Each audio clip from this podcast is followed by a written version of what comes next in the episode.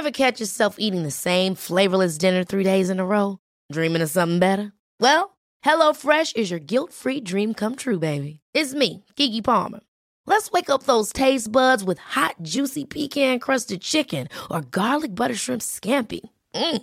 Hello Fresh. Stop dreaming of all the delicious possibilities and dig in at HelloFresh.com. Let's get this dinner party started. I'm Sandra, and I'm just the professional your small business was looking for. But you didn't hire me because you didn't use LinkedIn jobs. LinkedIn has professionals you can't find anywhere else, including those who aren't actively looking for a new job but might be open to the perfect role, like me. In a given month, over 70% of LinkedIn users don't visit other leading job sites. So if you're not looking on LinkedIn, you'll miss out on great candidates like Sandra. Start hiring professionals like a professional. Post your free job on linkedin.com/achieve slash achieve today. Millions of people have lost weight with personalized plans from Noom, like Evan, who can't stand salads and still lost 50 pounds. Salads, generally, for most people, are the easy button, right? For me, that wasn't an option. I never really was a salad guy. That's just not who I am. But Noom worked for me. Get your personalized plan today at Noom.com. Real Noom user compensated to provide their story. In four weeks, the typical Noom user can expect to lose one to two pounds per week. Individual results may vary.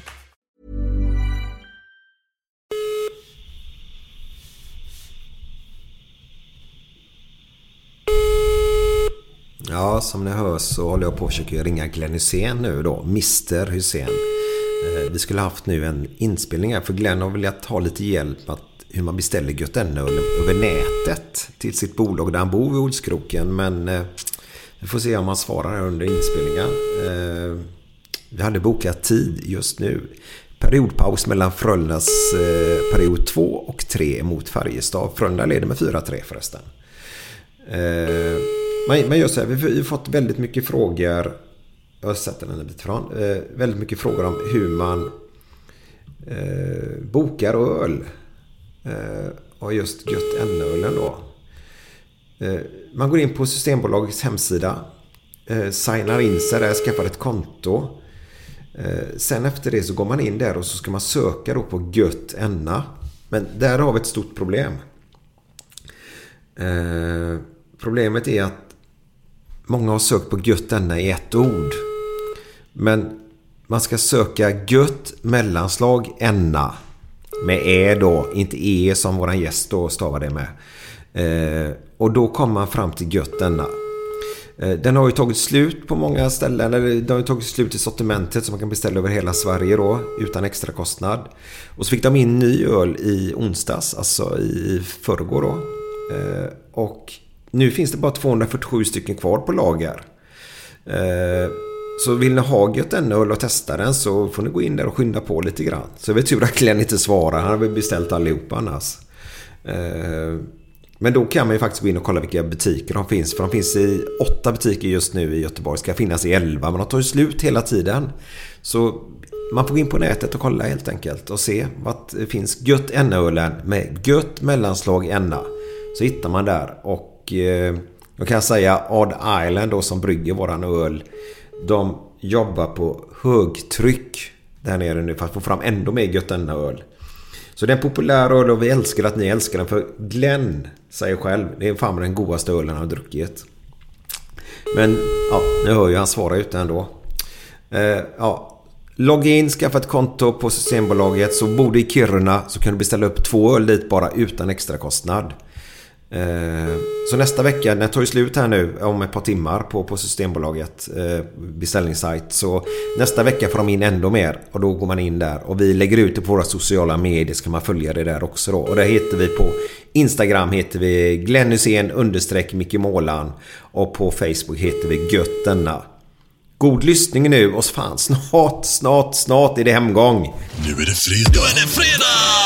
Nu är det götterna. götterna. Direkt från Göteborg.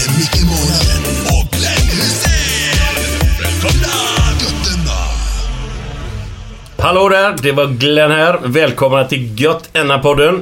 Idag har vi en person, en gubbe här som man egentligen inte behöver säga så mycket mer än eh, Jan Emanuel. Välkommen gubbe! Det är jag, det är jag. Hallå, hallå, hallå. Hur står det till? Fan vad kul att du kunde ställa upp för oss. Ja, det är roligt att vara här. Till slut ja. Ja, det tog sin lilla stund. Jag ber om ursäkt. Jag, jag vet att jag är hysteriskt sen också. Nu, nu eh, tappar vi ju det där med, med halsbandet. Vi, vi hade ett...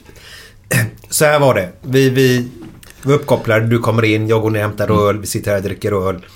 Och så eh, pratar de om att något halsband är rånat och sånt. Men vad var det för halsband? Vad snackar vi för, för pengar då?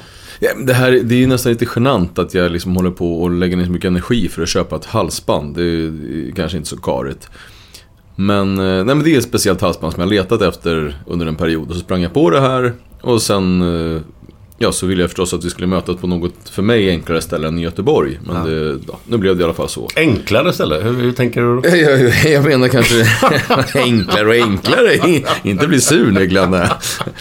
nej, men för mig ur ett egoistiskt perspektiv hade det varit enklare någon annanstans, kanske typ Stockholm. Men eh, han var så orolig att det, skulle, att, eh, jag inte var, att det inte var jag och det var någon annan, att han skulle bli rånad.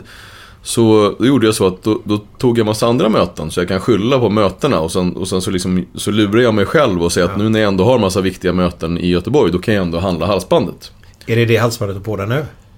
Tänker jag inte berätta. Nej, jo, det är det. ja, det är det. Ja. det, är det. Ja. Vi behöver inte visa vilket halsband det är, men det är snyggt.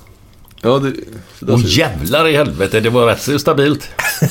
du tyckte Vad fan, det ser ut som en sån här hang- handklovar. nästan så att du svor lite där. Helvete. Ah, han svär aldrig Glenn, så det är lugnt. Det är lugnt. Men det var eh, snyggt det var. Tack så mycket. Ja. Eh, och det var 18 eller? Vad sa du? Är det 18? Karat? Ja. Ja, det är det. Ja. För i, finns det inte i Thailand 24 och sånt? Ja, Du kan ju ha högre karat men, men guldet blir så, det blir så Mjukt lätt mjukt och lättskadat och, och repigt så det blir inget bra liksom. Nej, okej. Är det därför? Fan vilken koll du har på det här. Ja, men, Att det är mjukt och grejer och... Nej, allmänbildning det, är- det, väl det är guldet som... Allmänbildning, okej. okej. När du kör 24 karat då, då är det ju ofta när du handlar med, med eh, eh, tackguld. Då har du ju ofta 24, 23, ja, 20 ofta 24 karat. 24 karat är ju ett negativt eh, ord tänker jag nu. Tänker på Harald. Hade ett annat program som hette 24 karat. Jo, det var inte jätte... Vem Grymt. var Jo, men det, det var bra. Det gick ner i Malmö. Men sen var det Ökenguldet som det gick åt helvete. Ja, det var vi det. så ja. Treutigen nu? Ja. Harald. Jaha. Vad, vad var det för program? Nej men det, det var något eh, 24 karat. Jag tror det var, de spelade in det nere i Malmö gjorde de. Det var, det var, det var ett bra program på 90-talet du vet.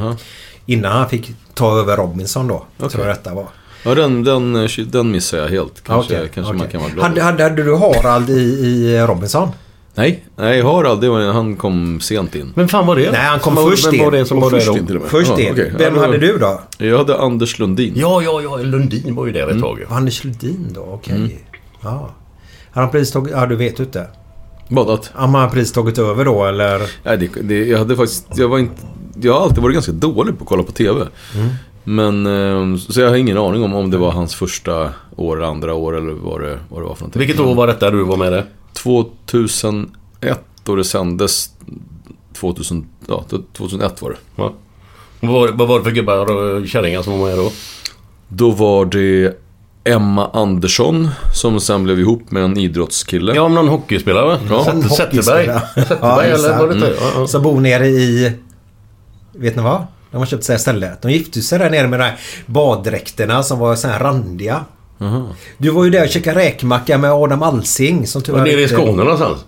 Ja, vad fan var det då? Åh. Åhus? Nej, Nej. nej, nej. Åh sa jag bara. Jag tänkte Jaha, själv alltså. jaha. Vad fan hette det istället? Ja, det har Ja, jag jag inte kommer aning om. ihåg Jag vet, att hon, jag vet att hon blev ihop med en så idrottsrockstar i alla fall. Och sen var det en kille som hette Jan Dinkenspiel. Ja, det känner jag igen. Men Ja. det, är det bara därför från, från Ja, Robinson då? För jag har ingen Nej, aning men vad han det, gör det är annars. föräldrarna du tänker på. Vi hade ju Aha. Ulf Dinkenspiel, Ja, ja, ja, ja, moderatpolitikern. Ja, så kanske det var. Bara, bara. Okej, hon bryter in här lite grann. För det är ju lite intressant. Ni var med i samma program. Vad var... eh, Bojnar ni lite eller? Nej men det här var ju inte, det var inte så som att det var av en händelse. Utan självklart så, så producenterna när de gjorde castingen såg ju den här liksom uppenbara klasskampen i och med att jag var uttalad socialdemokrat och han kommer från det här extremt borgerliga hemmet. Självklart moderat, eh, ja, att han hade sina sympatier hos det borgerliga blocket. Och det är klart att de då såg att det här skulle vara en inbyggd konflikt i det hela. Aha, okej. Sen att vi, det var också lite lite roligt för vi gick ju till final bägge två. Och det hade de kanske inte räknat med. Men det blev ju jättebra för produktionen förstås. För att det blev ju verkligen en, liksom Mm. en yt- ytterligare dimension i tävlingen.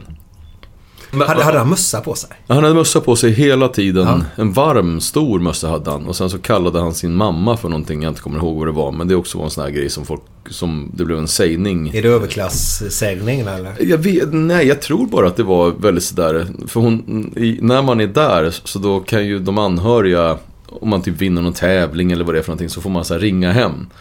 Och då, nu ska inte jag skratta. Då, då ringer hans mamma och, och, och det här, nu ska man ändå komma ihåg att vi är på, okej, vi är vuxna människor, vi är på en ö. Det är inte så att vi inte vet att vi kommer komma hem igen. Det är inte så att vi inte hajar att det är en, att det är en låtsastävling och det är bara, ja, vi är här en stund och sen var det inte mer med det.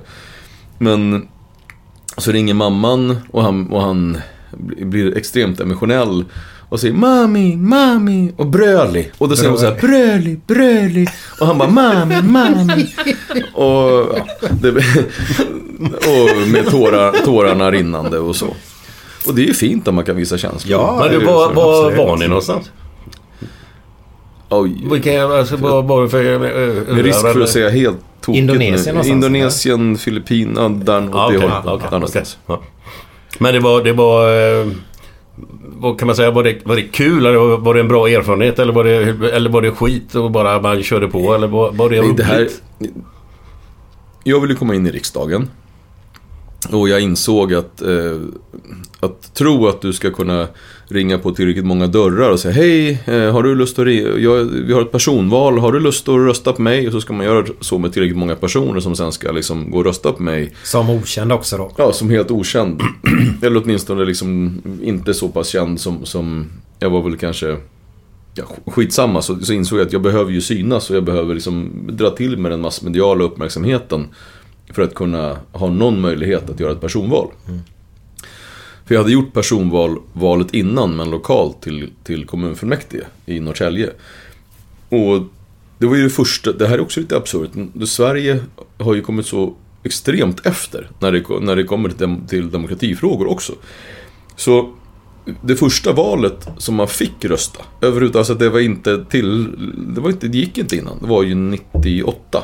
Personröstar jag. Personrösta. Rösta gick det ju. Ja, ja, rösta gick. Men, men det, var ju, det var ju verkligen så, här, vilket parti tycker du om? Punkt. Ja. Och, och, och man tycker att det kanske har lite med representanterna Och så var det ett parti som bestämde vilka som skulle fram då va? Ja, exakt. Ja. Och, och nu, men det här var då första valet där du också fick kryssa ett namn på valsedeln. Och då gjorde jag mitt första, och då var jag med i den här första möjliga, jag var väl den som syntes mest under det personvalet också för att det var, ja, jag klev på ordentligt. Och då kom jag först på den listan och gick före, kom förbi kommunalrådet, jag åkte runt på min HD och gjorde en sån här landsvägsagitatorturné liksom. Så det, var, det, och det blev väldigt uppmärksammat i media. Men HD.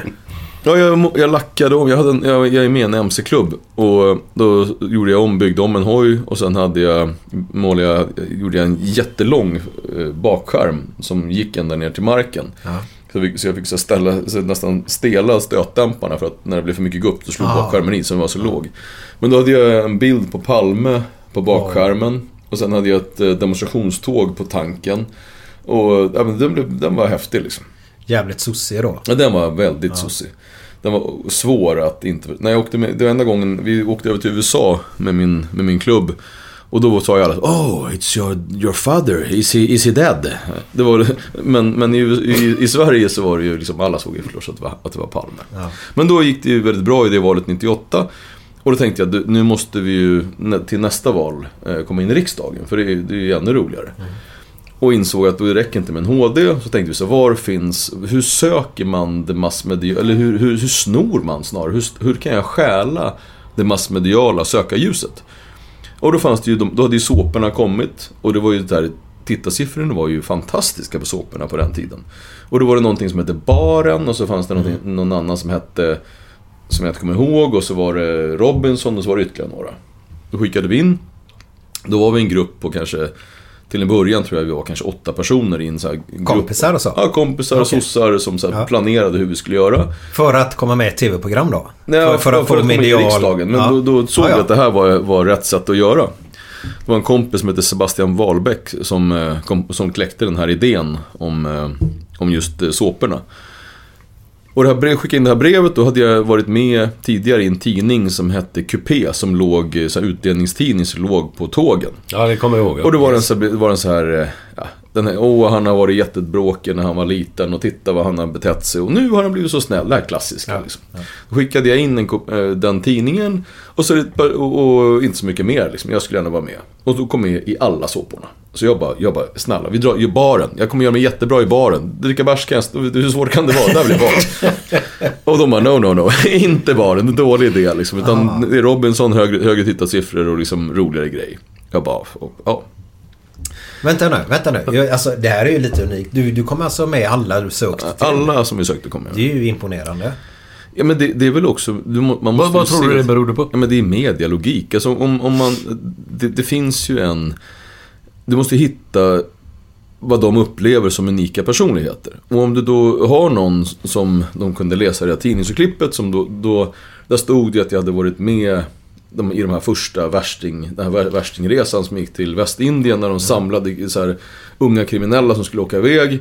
Det stod i den här artikeln. Det stod också eh, att jag hade jobbat som, med, som medlevare på Hassela Solidaritet. Det gjorde jag fortfarande när artikeln skrevs.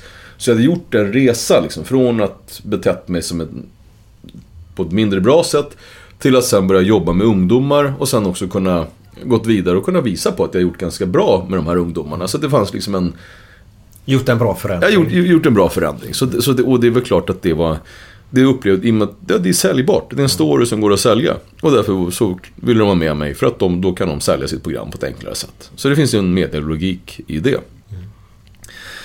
Men Robinson var ju, tittarsiffrorna på Robinson, det finns ju inget program vad jag känner till, förutom så här, någon julaftonsgrej, som har haft liknande tittarsiffror. Det var ju, Ja, det var, jo, jo. Bingolotto ett tag. Ja, Bingolotto under en kortare Ja, period ja, hade ja. värre. Men sen, Nej, sen var det... bli 50 öre per lott, eller vad det Vad sa du? Loki skulle fått 50 öre Ja, per han var lott. lite sned att han inte tog det Ja. erbjudandet. Ja. Ja, du har inte Jag hört det? Ja, ja, ja, jag hörde det. Det var samma sak som Pernilla Wiberg skulle ha fått, eh, fått pengar för risifrutt en gång i tiden. Och den har skulle- talas om. Vadå? Jo, jag, det här kan ju vara en vandringssägen som så mycket annat. Men, men så, men så här säger vandringssägen att Pernilla Wiberg, när hon gjorde reklam för Risifrutti, Ja, Risifrutti lanserades i Sverige. Och då sa de också att du kan också få, jag tror det var, de, det var så här 50 öre per såld förpackning eller någonting liknande. Och hon bara, vad fan vad äckligt så här, bara, bara ris och vem äter så här, ris med, med skit? Hon bara, nej nej nej, ge mig, ge mig en engångssumma bara så slipper jag det här. Och så drog hon. Och sen så alla bara, risifrutti! Så hon, hon var, tyckte också att det var en dålig idé att inte ta den dealen sen. Alla barn har haft med sig det på sina utflykter Ja, och ja, ja. grejer. ja, ja. Men- Och- men du, jag- och tänk om hon hade haft det fortfarande. Ja, ja. Liksom. Ja. En, annan grej där, eller en annan grej, vi var inne på det. Men, men hur, när du var liksom typ kriminell om man säger så. Mm. Eller, eller åt det hållet, eller vad man nu Ja, men kallar vi, det. vi, vi kommer in på värstingresan. F- Fortsätt Jo, jo, på men den. jag, tänkte, jo, men jag, tänkte, jag tänkte bara... Ja. Eh, alltså hur... hur hur, alltså, vilken nivå snackar vi om? Var det jävligt djupt ner i skiten eller? man, det man måste komma ihåg det var att jag var ju, jag var ju väldigt, väldigt ung. Jag var ju, jag tror jag var, om jag var 15 år eller så när jag åkte iväg på den här resan. Och det är väl klart att, att Kan, vi- vänta nu. Ja. Jag bara säga, vi har ju lyssnare nu som inte vet vad vi pratar ja, om. Ja, Jag var ju född 71 då så jag följde det genom du är media jätte, då. jättegammal. Ja, jätte, Ja. jättegammal. Glenn var ju i, i Liverpool Nej. då så han har ingen koll på Nej. värstingresan på resan. Jo, jag, jag har hört talas om det men jag kan, Ja. inte, jag kan inte placera det. det. Så. Kan, kan du bara förtydliga egentligen vad det är så kallade värstingresan? För det var ju media som döpte den till det va? Ja, det var en media, mediadöpning verkligen. Ja. Kan, kan du bara förklara vad, vad den gick ut på?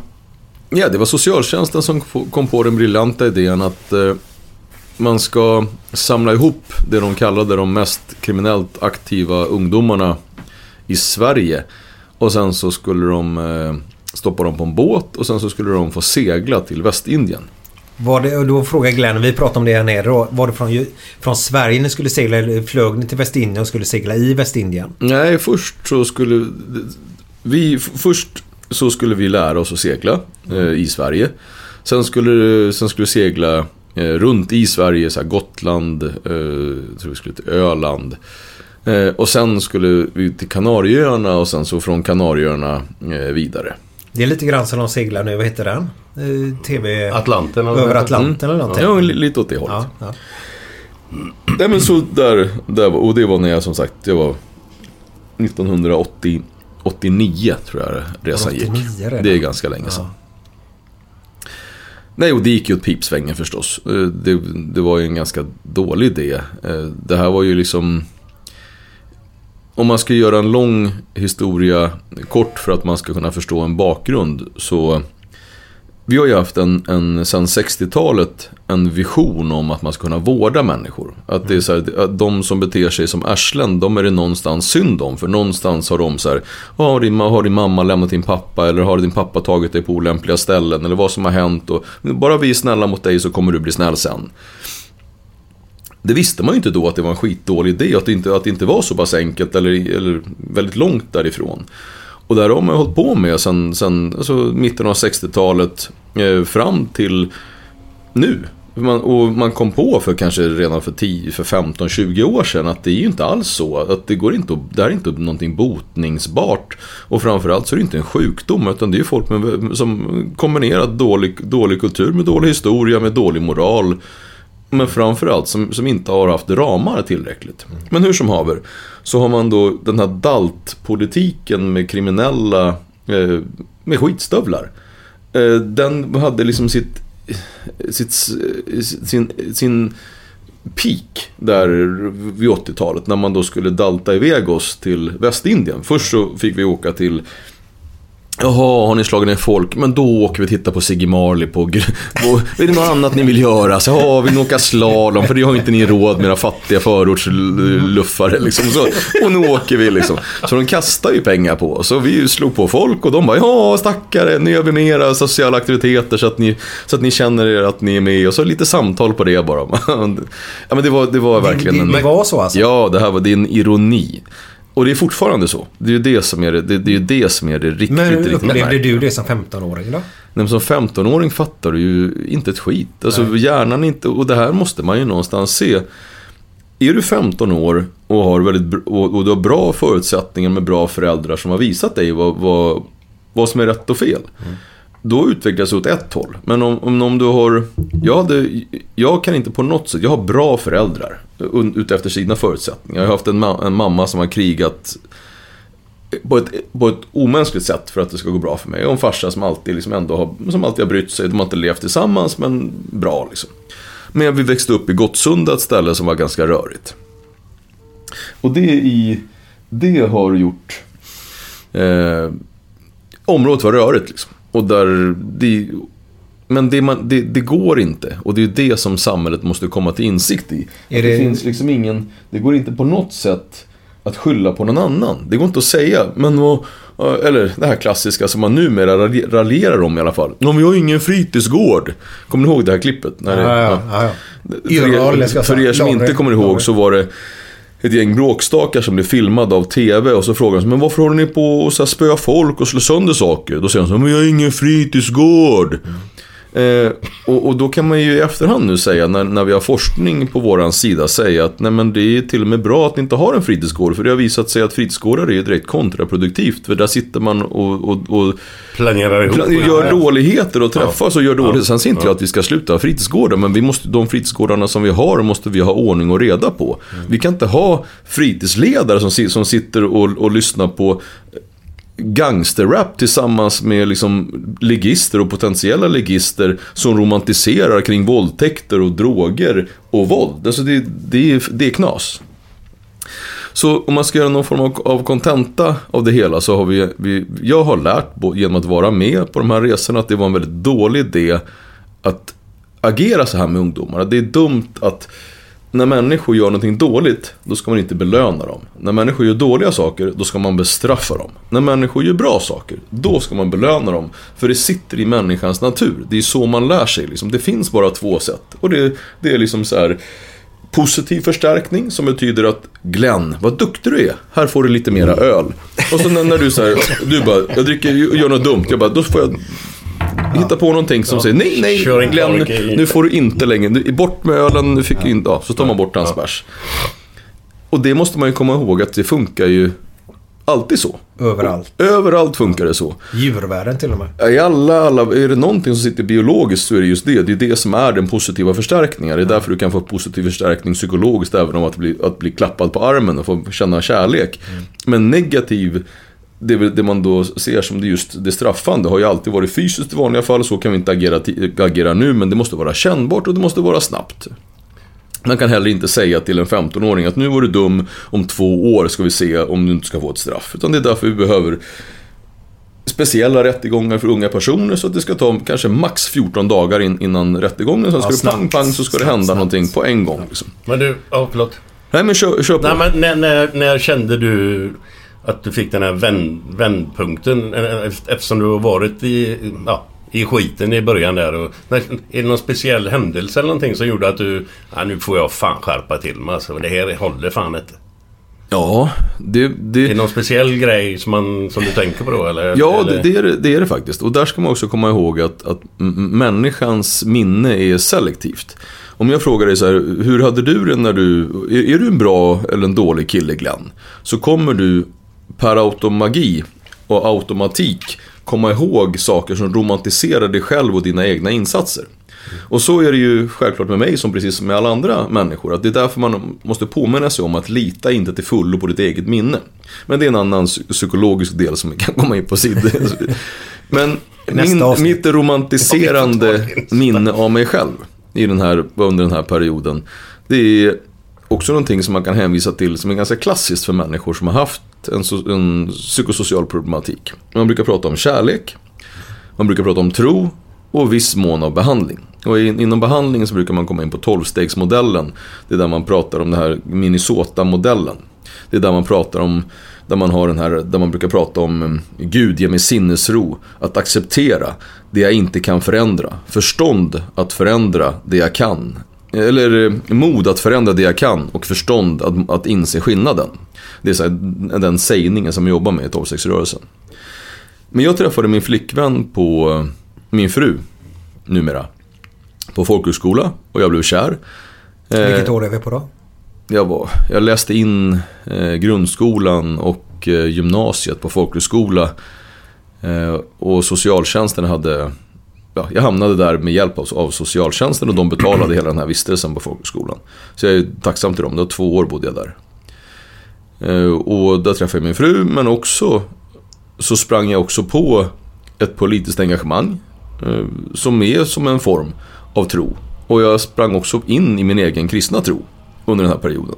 Så de tre delarna hjälpte mig. Och sen så skulle man ju då kunna, skulle då mitt romantiserande minnes säga att jo men sen blev allting bra. Vilket det självklart inte blev. Jag, jag sprang på saker i livet senare som man andra nog skulle kunna definiera som återfall i destruktivt beteende eller så. Men det var där det bättre livet tog sin start. Ja, ja, det var den vändningen. Mm. eh, Ja. Vil- Vilket år är vi på? Under cirkus. Alltså, jag- det är ju rädd att frugan lyssnar så att du Nej, ska jag komma tror... ihåg det. Ja, precis. Det, det, det är den också. För Glenn kommer inte ihåg när han träffade men Camilla. låt säga att jag var... Jag, att jag, jag, jag tror jag var 19 eller 20 år. Ja, okej. där, där någonstans. Så pass tidigt? Mm. Ja. Men som sagt, till de som sitter på facit så ja, även efter så, så kanske det hände någon, någon grej. Men eh, Ja, ja, ja. men det är ju skitsamma Mm. egentligen. Men där när du åkte som 15-åring där till, till det så kallade Värstingresan då som Mm. vi döpte det i, i media där. Eh, kände du det som ett straff eller som, som en belöning? Nej, men det är klart det var en belöning. Jag fick åka med mina bästa vänner. Alltså mina absolut närmaste... Dåligt beteende gav en belöning att åka till Ja, vi, vi hade ju, det här var ju... Jag, man ska inte... Man ska vara försiktig med att säga vi var först med någonting. Eller vi gjorde det här var liksom unikt för den delen. Men, men jag tror att vi, vi hade... Vi hade dragit ihop ett gäng som vi kallar för Gottsunda Rude Boys. Som det var ändå liksom ett formaliserat ungdomsgäng och det vi gjorde det var, det var kriminalitet. Så det här var, var, var ett av de första, istället för att säga att det var det första, så här, ett av de första organiserade ungdomsgängen. Som ändå hade ett namn, som blev omskrivna i tidningarna. Eh, och ja, spred skräck på, och, och som liksom lyckades få folk att göra saker på Och grund det av att vara rädda för på, oss. på, det, på det gänget där? Vad- Som ni var då? Från Ja, det var väl alltså från 14 till 20 kanske. Så Ja, jävlar. Fick, fick, fick ni, alltså jag tänker på det, alltså dagens media här. De, de döper ju namn. Eh, jag tror Hasse Aro hade uppe det i sin podd lite grann. De döper ju namn till, till mördarligan och allt sånt där. Alltså, de, de ger ju dem en status. Alltså... För, för, förstår du vad jag menar? Fick, fick ni en liten kick av att vara med i tidningen? Ja, det är ju alltså alla... Alltså så här. Det finns, eh, jag tror det var eh, i Röda rummet. Eh, och nu säger jag säkerligen alldeles fel, men jag tror att, att, att den här, härstammar ifrån, eh, ifrån Röda rummet. Eh, och nu ska jag travestera en sägning som jag inte kan. Men där står det ungefär så här. Helst av allt vill man bli älskad. I brist därpå, åtminstone ungefär, eh, så vill man åtminstone att någon ska vara rädd för en. Och i brist därpå, hatad och föraktad. Det finns ingenting som människan skyr så pass mycket som att inte bli sedd. Så den största belöningen alltså i, för människan är ju är just att få bli sedd, att få bli uppmärksammad på olika saker. Det, är- för människan så först och främst, visst om, du är stor, om det står i tidningen så är det så här, Glenn Hussein, jäklar vad bra han är. Men hellre att det står Glenn Hussein är en bajskorv än att ingen ser dig överhuvudtaget. Att Att, att ensamheten... de säger någonting Bara att du- ja, Sen spelar det fan ingen roll vad det är. Alltså. att du finns, Nej, att det du får uppmärksamhet. Ja, för, ja. för, för det här grejen är den. Det ligger i människans biologi. Människan, precis som apor och andra djur, har ju en överlevnadsinstinkt. Anledningen till varför, varför uppmärksamheten är en av de viktigaste överlevnadsinstinkterna, det, det, det har, här- härstammar någonstans ifrån när vi var liksom Ponera, se, se framför er en gruppering individer som lever på en stepp. Eller som lever i djungeln. Den, det barnet som inte syns, det som hamnar efter eller hamnar utanför, tar vargen. Vilka, vilka rovdjur tar, eh, när rovdjuren jagar, vilka är det de tar? Ja, det är ju den här stackaren som hamnar på efterkälken eller som ingen ser. Den, den ensamma som ingen skyddar. Så det finns i människan, så det är därför barn skriker. Det är därför människor är jobbiga. Det är för att de, det är därför människor, de här ungarna som är, de har fan jävla jobbig ful unge. Men för den ungen så är det bättre att vara en jobbig och ful unge än att vara en unge som ingen ser. Det ligger, i vår, det ligger inlindat i, vår, i, vårt genetiska DNA att vilja överleva och det här är en strategi att kunna överleva.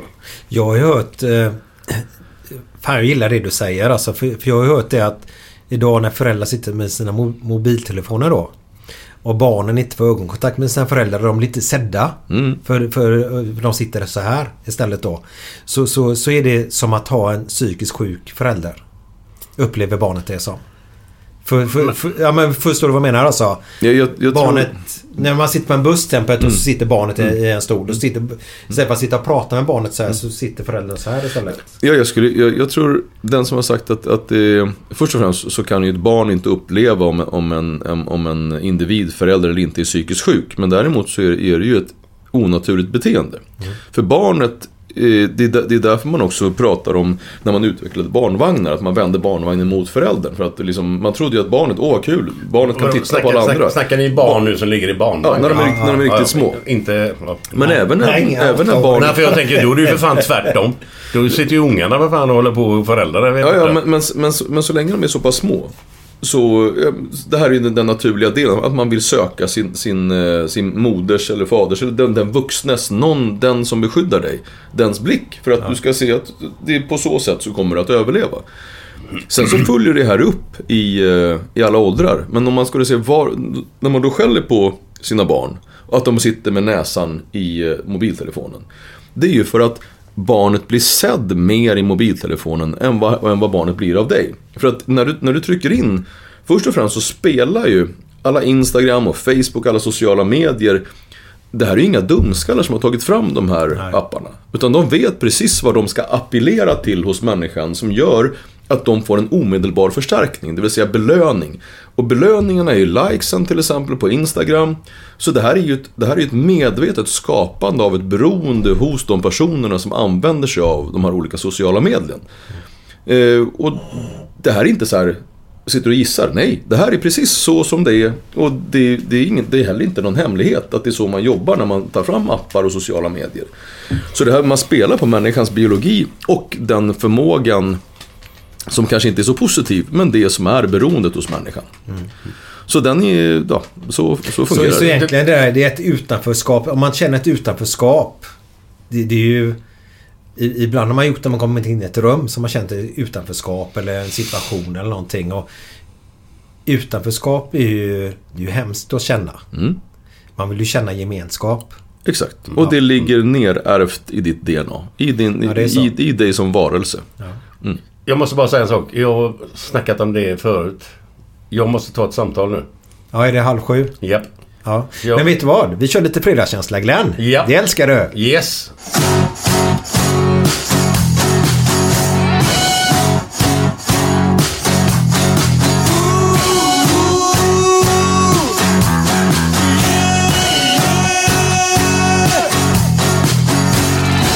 Inte bra.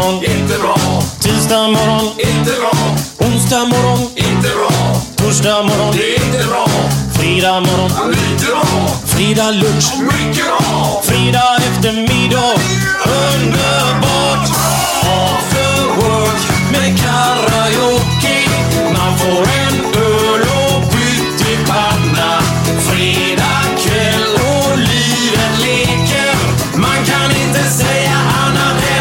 att jag har det gött nu!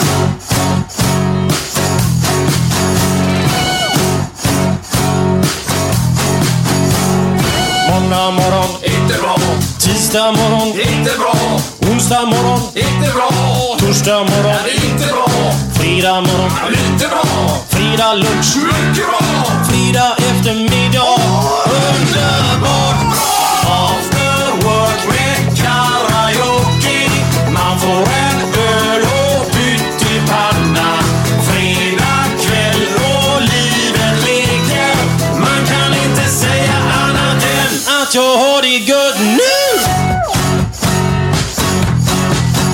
Materialet i den här eh, församlingen. Du är ju faktiskt, jag vill inte säga det, men du är ju något år äldre än mig. Och det, det gör ju också, det gör ju också att, att du har ju varit eh, någonting som man har matats med eh, när man också var yngre. Du var, ju, du var ju fortfarande en kändis när kändisar var kändisar på riktigt.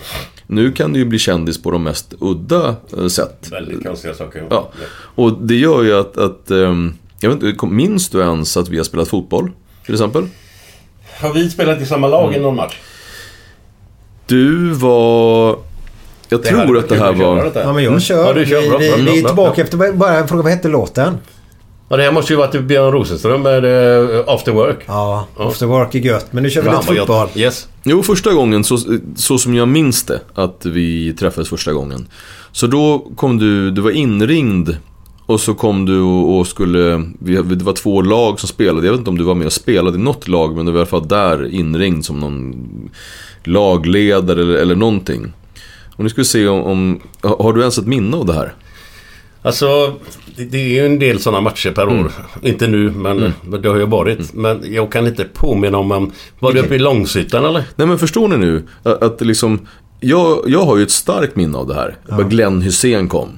Medan Glenn Hussein, han har inte ens märke till att jag var där. Det, det, det, det är ändå, jag tycker ändå det är coolt. Liksom. Ja, det är inte för att vara nonchalant på något det, sätt. det, det är det som... som Det, det är inte som, för att som, vara nonchalant. Nej, det, det är det som det det-. Det det som är coolt. Kändis. Och det är därför, som sagt, du har ju varit kändis under den tiden när kändisarna var kändisar på riktigt. Och jag tycker det är coolt, för att du är, du är en utdöende generation. när, när, när du med resterande från den generationen försvinner, sen är det ju bara det här nya som är ju på ett annat sätt. Alltså Ja, när ja, ja. gammelmedia ägde ju på ett helt annat sätt. I med gott och ont. När det, det nya gör, då kan, det gör ju att människor som sagt flyter upp på sätt som inte var möjligt tidigare. Men vilken, eh, vilken match var det? Eller var Jo, det var så här, jag var med i någon eh, såpa-liknande som hette så här, Kändisarna på slottet eller Kändisarna i... i man åkte ut, åkte ut och var med, med kändisar på ett ställe. Mm, sådär produktion, men ganska roligt. Ja, men det var Martin Melin var med där var det då? Eller vilka var gubbar var du med då? Jag vet, jo, jag, Victoria Silvstedt Ja. eh, och eh, ja men det var lite sådana eh, kändisar. Eh, och jag, jag, och så fick man all, alla fick välja en grej som man, som man fick ta med i en aktivitet. Jag hade MMA som aktivitet och det var lite roligt. Så här, Victoria Silvstedt sparkade på någon. Och, och sen var det någon som valde fotboll. Eh, och då hade väl den personen då gissningsvis önskat att du skulle komma. För du, var fall- du kom i alla fall dit och så bodde till det här slottet. Och så delade vi upp det och så hade vi de här olika lagen och så, och så lirade vi. Oh, fan. Bodde på slott Glenn måste du komma ihåg. Alltså, fan. Det... Snackar vi FCZ-tiden tror Vet inte. Jag- Jag kan inte få in det i hjärnan bara. Mm. Nej men så var det, då träffades vi första gången i alla fall. Ja, fan vad trevligt. Men första gången ja. Men har, träffats, har vi träffats någon mer gång? Ja, sen har, vi, sen har vi träffats på eh, och n- någon, ett par ytterligare tillställningar när det var sådana kändistillställningar. En gång i Stockholm tror jag faktiskt. Eh, vad, vad du gjorde, kan det vara en Bindefeld-tillställning? Ja, det är mycket möjligt. Mycket möjligt. Ja, ja. Eh, och sen vid något ytterligare tillfälle. Ja, Mm. Och det här är eh, också, jag känner ju dig mer än vad du känner mig. Ja, men som sagt, det är inte för att man ska vara nonchalant på något sätt. Nej men vad du, fan, det, här, det, det, det, det, ska ju, ens. det ska ju vara så. För du är ju eh, en klenod. På riktigt. Det är ganska få kvar. Men du är en sån. Det är, det är du och, och ja, några ett gäng till. Men Jan är Emanuel, jag frågar ju dig på Instagram om du vill vara med i den här podden. Mm. Ja, Glenn Hysén, självklart. Ja, men det är en god gubbe sa du. Ja men det är ju just självklart. Alltså, det är inte ens, det, där skulle man ju, hade man varit frisk hade man kanske frågat sig men vad handlar det om eller så. Nej, nej. men Inte så här, det, finns, det finns ju vissa så här, som så här, ja, ja, men du vet, ställ upp för ditt fosterland. Det är så här, om, om, om fosterlandet kallar, då kommer man. Det här är lite, det här är lite, lite likadant. Kom, ka- kalla Glenn men Hysén. Då får du vara med nu för nu är det nivåsättning Glenn. Ja, jag måste säga det är ju jävligt roligt att höra att du tycker så. För då vet man ju att man har ja, gjort något vettigt i alla fall. Ja, det har Inte du- bara det varit någon jävla definitivt. idiot som flyter omkring. Nej. Nej, men det är fan så Alla gillar det, ja, tack, tack, tack. Vi ska inte fråga hans fru- exfruar vad de tycker eller? Nej, det är, de, de är färgade på ett sätt som, ja, det är orättvist. Ja, det är helt andra saker. Lite nivåsättning Glenn då. Ja. Kan vi få det? Ja, det kan ni få. Ja. Det var så här... Eh, Lilla Ahmed kom till skolan och så sa han till fröken så här att Fröken, jag vill gärna bli svensk. Inga problem, sa fröken. Från och med nu heter du Anders Andersson. Åh, han var ju så jävla stolt. Gick hem till sin morsa och farsa och sa det. Jag heter Anders Andersson från och med idag. Han fick en rak höger av farsan och en utsida av morsan. Smack sa det bara. Kom han till skolan dagen efter.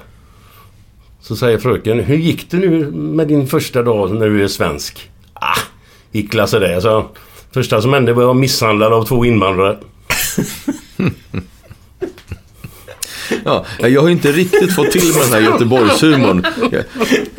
Det var ju roligt. jag, jag, jag, jag brukar ja. faktiskt, och det var lite trå- tråkigt nu när jag frågar vad, vad Glenn har för Instagram. Ja, just det. Jag har ju taggat dig, fast inte, inte dig. Och det är ju lite synd då. För varje gång jag har en så här sjukt dålig, du vet, jag, var jag sista gången så, så, så, så ställde jag mig under em, en eh, buske. Ja. Så sa jag så här, "Eh, vad jag gör för någonting? Jo, jag har stannat i växten. och då taggade jag Glenn Hussein. Och samma sak så var det vid något tillfälle när jag, när jag, någon, när någon sa jättehjärna. jättegärna. Och då gjorde jag så med händerna som att min hjärna är jättestor. Och så skrattade jag. Och så, och så har jag taggat dig. Men grejen är att det är inte, det är inte ens dig. Så jag har ju taggat en annan jävla Glenn. Ja, det men fick jag, är reda, fick jag reda med på nu. Instagram. Nej, Jag är på på Facebook. Nej. Podden har vi. Ja, Ja. ja, men det är ju inte jag som är med där. Nej. Glenn har ju en historia. Men så Jätte- någon Glenn. Hussein i Sverige har i alla, har i alla fall blivit taggad när jag drar så här Göteborgs eh, skämt. Ja, vad härligt. Men då får du tagga rätt där. Men, men du tänkte den med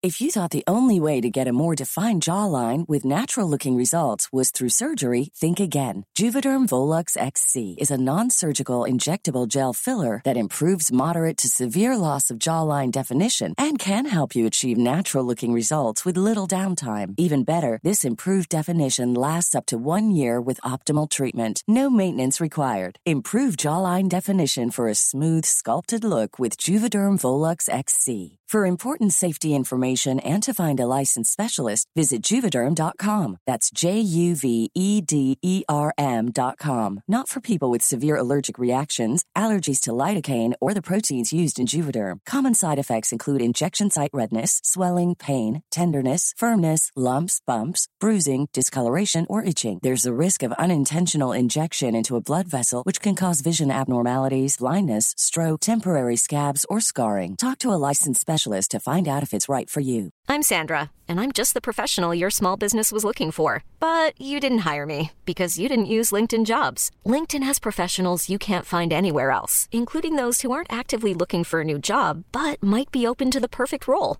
like me. In a given month, over 70% of LinkedIn users don't visit other leading job sites. So if you're not looking on LinkedIn, you'll miss out on great candidates like Sandra. Start hiring professionals like a professional. Post your free job on linkedin.com/achieve slash achieve today. Hold up. What was that? Boring. No flavor. That was as bad as those leftovers you ate all week. Kiki Palmer here, and it's time to say hello to something fresh and guilt-free. Hello Fresh. Jazz up dinner with pecan-crusted chicken or garlic butter shrimp scampi. Now that's music to my mouth. Hello Fresh. Let's get this dinner party started. Discover all the delicious possibilities at hellofresh.com. Ja, men jättegärna. Ja, Ja. ja. Ja, det var, ja, det var den ja. Han tycker, sånt där, han, han tycker de är roligast själv, skulle du veta. Det, det stod en, det stod en, ehm, en vattenskalle utanför Ullevi och sålde biljetter till, eller sålde lotter sen. Stöd Vattenskallarnas riksorganisation. Stöd Vattenskallarnas riksorganisation. Så kommer det fram en gubbe. Ja, jättegärna. Men det här är ju också så här. Det här är ju skämt som bara funkar i, i som, som egentligen bara några vissa kan dra. För att, att skämta om lyten. Nej, jag vet. Alltså det, Jag det är ju så extremt Nej. Yes. tabu. Vet. Och därför så, så tror jag, jag har ju en, en, en förkärlek till eh, att bryta just tabun. För jag tycker att humorn når fram först när, när man skämtar om saker man inte riktigt får skämta om. Och då blir det lite, då blir det lite roligt. Och där finns det också ett, ett fåtal folk som kan göra det. Alltså du, du måste ha en viss patos för att kunna skämta om någonting du inte får skämta om och ändå överleva. Gör fel om en fel person uttalar sig på ett sånt sätt, då kan det bli ett attans liv. Jag gjorde en sån liten sak som till exempel, jag skojar med en kompis som heter Ducky Savage. Eh, som eh, lite så här in- Instagram-profil. Och han... Vad hette han, sa du? Ducky, Ducky Okej. Savage. Okej. Eh, och ehm, han äter jättedålig mat hela tiden. Så mycket godis och glass och han trycker i sig kakor. Så sa jag till honom, du kommer, du kommer bli sockersjuk om du håller på. Så sluta äta den där skiten. Och jag fick inte så här tio, utan eh, många. Ifrån så här diabetikernas riksförbund, mammor till barn som har diabetes. Som så här, förstår du inte att det du säger nu är hemskt. Man får inte, inte sockersjuka av att äta mycket socker. För att nu tror... Man bara wow. Det var, det var, det var inte riktigt så, det var inte det jag menar riktigt skulle man ju säga. Nej. Eh, Så det är väldigt, väldigt lätt att när man skämtar om saker så att människor kan ta illa upp eh, istället. Men det är ju Glenn och Bert Karlsson som kommer undan med allt. Ja, men det är unge- ungefär så. Ja. Ungefär så. Så det... Ja, men det, ibland tänker man sig inte för så att det, nej. Det, Ja men Glenn har ju mycket roliga dvärghistorier och sånt också. Ja, men det, Och har jag slutat med nu. Men vi, vi passar på dvärghistorien Ja, för grejen ja. att då, då kommer de sen ge sig på mig och säga Men hur kunde du sitta där och skratta åt det här? För Nej, du som är... Ja. Ja det är så. Alltså det blir alltid så att du, du smittas ju av den... Eh, din umgängeskrets. Det är, den, det, det är det som kallas eh, den sociala smittan. Det betyder ju att om vi skulle umgås väldigt länge eh, tillsammans så kommer vi både främst undermedvetet börja ta, ö, ta, ta efter varandra och vi påverkar varandra. Det är en social smitta. Det vill säga att om du stoppar in Eh, den, den klassiska eh, fängelseproblematiken. Att om du stoppar in en frisk människa i ett fängelse under lång period eller ännu värre när du stoppar in två stycken kriminella människor tillsammans. Ponera att du stoppar in, jag har dragit den här liknelsen tidigare, men att du tar en biltjuv tillsammans med en haschrökare till exempel. Så risken att haschrökaren kommer att säga till biltjuven så här att det förstår du väl att du inte kan stjäla någons bil, han kommer bli jätteledsen och du förstår, täckförsäkringen kommer inte täcka, sluta stjäla. Inte så stor. Men däremot att haschrökaren kommer säga till biltjuven att "Hörru du, Testa röka hasch för fan, det är asskönt. Helt plötsligt så har vi ju en haschrökare som blivit duktig biltjuv och en biltjuv som också blivit haschrökare. Och det här är ju, det här är ju inte ett skämt, utan det är precis så som det är. Men det som är positivt med den sociala smittan, det är att även bra saker smittar. Så att om du umgås med bra folk, det är det som är integration. Det är det, du, kommer du in i en gruppering som, som är bra, så kommer även de positiva sidorna smitta av sig. Det är därför du ska ta dåligt folk och stoppa in dem där majoriteten är bra. Du, ska, du får absolut inte göra som man också har gjort under perioder. Det är ett hemskt projekt, eller det är faktiskt nästan som ett så här, när man använder småtjejer som försöksdjur. Det kallas för kuddflickor, eller så här kuddbarn. Då, ha- när det var en stökig klass till exempel, så ponera att ni två, ni sitter där i bak, som ni säkert gjorde i, i, i skolklassen. Oh ja, oh ja. Och så pratar ni, och ni tjoa och ni kimma liksom och stöka. Då tog man en lugn och skön tjej någonstans ifrån som är duktig och stoppade emellan er. För att då kunde inte ni prata med varandra. Sen att den här stackars jäntan då, hennes studiero förstördes fullständigt, det tog man liksom ingen hänsyn till. Och det här har också varit ett problem i samhället, att man, man har haft fokuset på de som, som har betett sig dåligt. På, och man har inte haft fokuset på de som, har, som liksom har drabbats av det. Och jag tror att är det någonting som vi, som vi måste tvingas till att göra det är att ändra, ska vi, ska vi få en bättre samhällsutveckling så måste vi ändra fokus och se till att fokuset ska vara på brottsoffren. Fokuset ska vara på de hedliga knegarna. Fokus ska vara på de ungarna i klassen som beter sig. De som inte beter sig, de kriminella, de skrikiga i klassen, de som inte jobbar, de som parasiterar på ett medvetet sätt och medvetet låter bli att göra rätt för sig.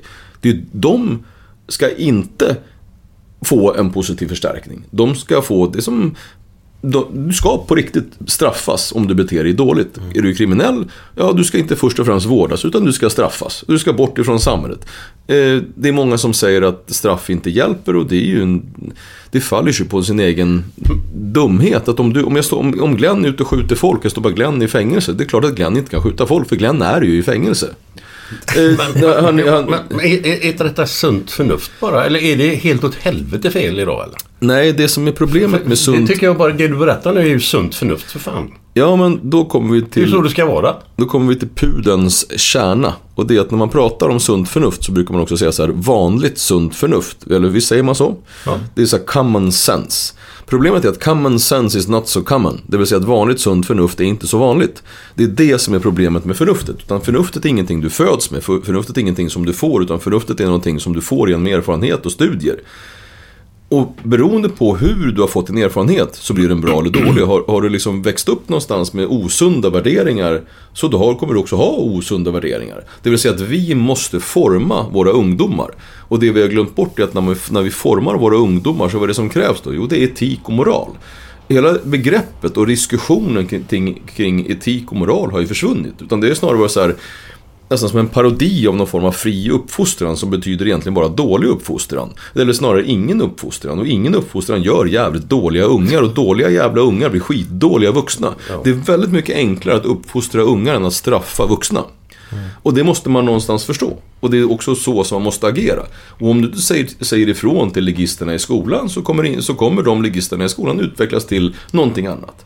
Det vill säga de pedagogik, pedagogikerna som du utvecklar i skolan som gör att du tillåter skrikiga ungar bete sig. Det finns till exempel en, en, ett, ett sätt där man säger åt lärarna att när en unge skriker och beter sig så, ska du, så ska, måste du ödmjuka dig. Du ska helst också, om någon skriker åt dig så sätt dig ner för att du ska lugna eleven. Det man glömmer bort det är ju att barn, ungdomar men också vuxna, det man tar till sig, det är, just, det är ju liksom hur omgivningen reagerar, inte vad omgivningen säger. Det vill säga att om du agerar på ett sätt som ger framgång så kommer du per automagi, per automatik fortsätta med det. När legisten märker att läraren backar eller sätt, eh, i värsta fall sätter sig ner så märker ju han att han har nått framgång. Ja, det det vill säga han- hans han beteende ja. har, fått ett, för, liksom, har gett honom en form av belöning. Det han måste ha, det är ju en lärare som ställer sig upp och säger Kanske inte just håll käften, men innebörden ska vara det. Och om du inte är tyst, om du fortsätter störa dina kamrater i klassen så åker du ut. Och om du inte går ut så kommer jag försöka ta ut dig. Om inte det går, ja, då skulle man helst önska att det fanns någon form av den gammeldagsa tidens vaktmästare som kom dit och hog, tog honom i hampan och tog honom därifrån. Nu tror jag att vi kommer få, få ersätta den gammal, gamla tidens vaktmästare med med en vakt. Men behövs det vakter så ska det finnas där. För, för skolan ska vara trygg främst för eleverna men också för lärarna. Och det är legisterna som ska ut och lärarna som ska vara trygga och kunna säga ifrån. Men så är det ju inte idag. Nej, det har kommit jättelångt därifrån. Mm. Men det vi måste det vi måste prata om är just det. Vi måste våga Själva prata om, ja. om, om själva problemet. För att om man inte pratar om problemet, då, kommer det, då uppfattas det inte som ett problem. Och gör man samma sak som man gör hela tiden, om man inte förändrar sig, så kommer det också, utfallet kommer fortsätta vara som det alltid har varit. Förändringen, som du vill ha den, kräver ju att du agerar. Det går inte att fortsätta göra samma, utan du måste göra annorlunda. Och nu har vi testat de mjuka handskarna ganska länge. Vi har kommit fram till att det gick åt pipsvängen. Alltså så måste man göra någonting annat. Sen så kan man slarvigt då kalla det för hårdhandskar, men jag tycker att det enkla begrepp är ganska bra att begagna sig av. Men, Ja, alltså, men det det- tänker jag lite grann sådär. För, för jag håller med i allting som, som du säger där. Och just att göra samma sak om och om igen. Hoppas på ett annat resultat. Det är ju bara en idiots ja, eh, tankesätt. Ja, Eller? och det, det är ju också så man har... Det är ju, om, man, om man ser till svensk statsförvaltning, men framförallt hur det har fallit ut i, i kommuner och hur man sedan har handskats med allt ifrån problem på skolgårdar till fritidsgårdar till ungdomshem. Så är det att när man har gjort saker fel så märker man att det här gick ju inte alls. Vi kan ju ta ett modernt exempel från Statens institutionsstyrelse till exempel. Det är den, Statens institutionsstyrelse är den enda som får låsa in ungdomar under 21 år. Alltså någon form, det, det man slarvigt kallar ungdomsfängelse. Det inte är ungdomsfängelse utan det är små fritidsgårdar som man låser igen mer eller mindre. Nu generaliserade, det är, de är inlåsta för att Men det är de som ska ungdomsvård. Fast du har gjort ett mord så, sitter Precis. du där. Återfallsfrekvensen hos de här ungdomarna tangerar att, att slå till och med kriminalvårdens återfallsfrekvens som ligger över 70%. Så 70% av de som Jag blir skulle dömda säga- en gång kommer tillbaka. Och gör likadant igen. ung, och ung, ja, och ungdoms, ungdoms, eh, de som sitter på SIS, där tror jag, och nu ska jag inte svära, men jag tror att, att de har, gått över 80% på när det gäller återfall i brott. Och då har man gjort, det som det då staten har gjort, det är att man har liksom så här, vad gör vi nu? Nej, vi satsar än mer. Det vill säga att man lägger mer pengar på en dålig idé och tänker att då blir den säkerligen bättre. Det vill säga att vi måste ju göra helt andra saker istället. Vi måste ju se till vad är det som, hur kommer det sig att det blev så här dåligt? Ja, till exempel så är det ju att om du begår ett brott. Jag pratade om det här igår faktiskt med, med Jimmy Åkesson. Att om du begår ett brott så måste ju den som begår brottet uppfatta att, de får, att han får ett straff.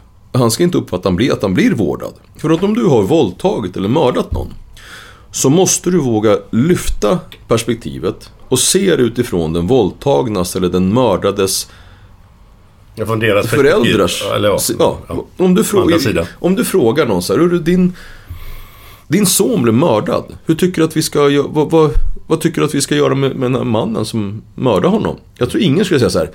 Nej, jag skulle önska att han kom ut ganska snabbt så att, så att han liksom ges en chans till i samhället. Och, och jag skulle önska att han kom till ett ganska trivsamt ställe faktiskt. Där han kunde få välja om han ska jobba på dagarna eller hur han ska göra. Eller om han vill ha lite, lite ja, Särskilt så, så självklart ska han ha spel så han kan spela, gärna tillgång till en dator. Eh, jag skulle önska också, mm, nej. Mördar man någon så ska man inte ha det behagligt. Alltså, det är inte meningen. Och framförallt så ska du inte efter kort tid komma tillbaka till samhället. Definitivt inte. Alltså, du, du kommer ut om du är ung efter fyra år. Fyra år är det, är vad du, då är du borta på en SIS-institution som är lite av en fritidsgård.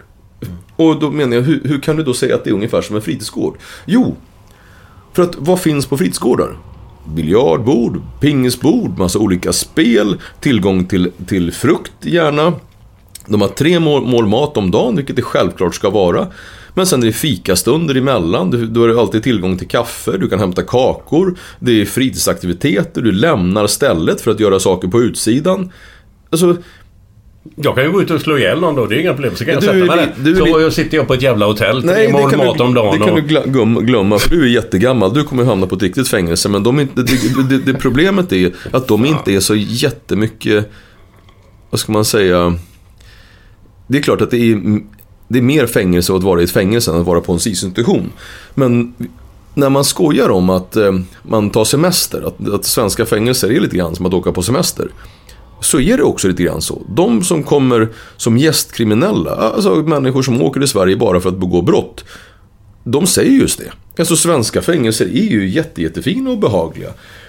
Och det är inte så konstigt, för vi har också världens... I, jag tror att vi är... Vi ligger fem i topp i världen vad det kostar dygnskostnad inom kriminalvården. Vad, Dyrast. Vad, vad snackar vi för summa då? Det är lite beroende på vilken avdelning du är på. Men du, du har alltså kostnader upp till 20 000 kronor per dygn. För, för en intagen? För en intagen. Eh, och jag skulle säga att snittpriset inom kriminalvården skulle, skulle jag gissa ligger mellan 3 och 4 000 kronor per dygn. Kan vara något värre. Men är vi inte jävligt illa ute då? Men det jag tycker att för att få det här att bli än mer tydligt så tycker jag man måste sätta det i paritet i någonting annat. Om man börjar då sätta det i paritet med andra länder vad det kostar. Så då, då kan vi för, för en åttondel av kostnaden skulle vi kunna köpa samma sak utomlands. Då kan man fråga sig hur kommer det sig att i den öppna handeln i Europa det står ju inskrivet, i, jag ska inte slå till med Maastrichtavtalet, men jag ska säga att det, vi ska konkurrera på lika villkor inom Europa. Vi ska kunna alltså köpa tjänster och öppna gränser i Europa. Hur kommer det sig?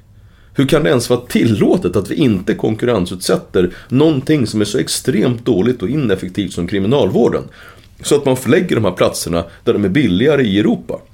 Så att de personerna som medvetet kommer hit för att begå brott kanske inte tycker att det är lite attraktivt om nu den här kriminalvårdsanstalten skulle ligga i ett land som inte har samma, vad ska man säga, myspys.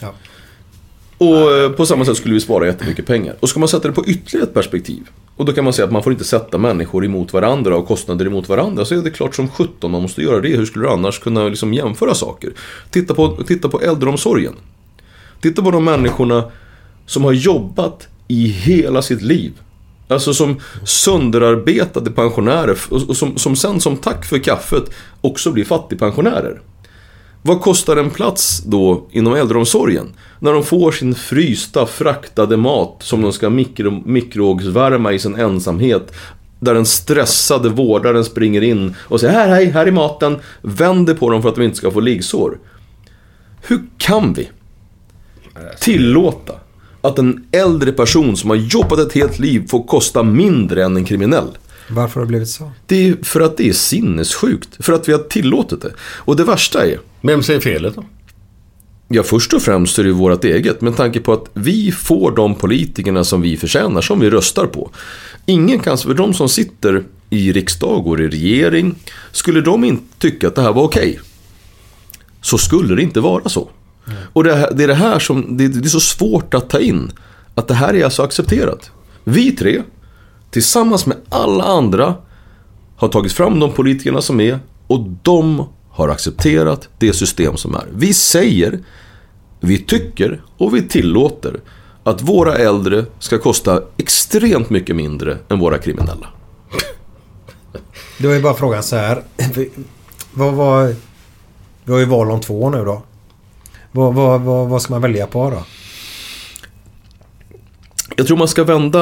Eh, först och främst så tror jag att man måste öppna sinnet hos medborgaren.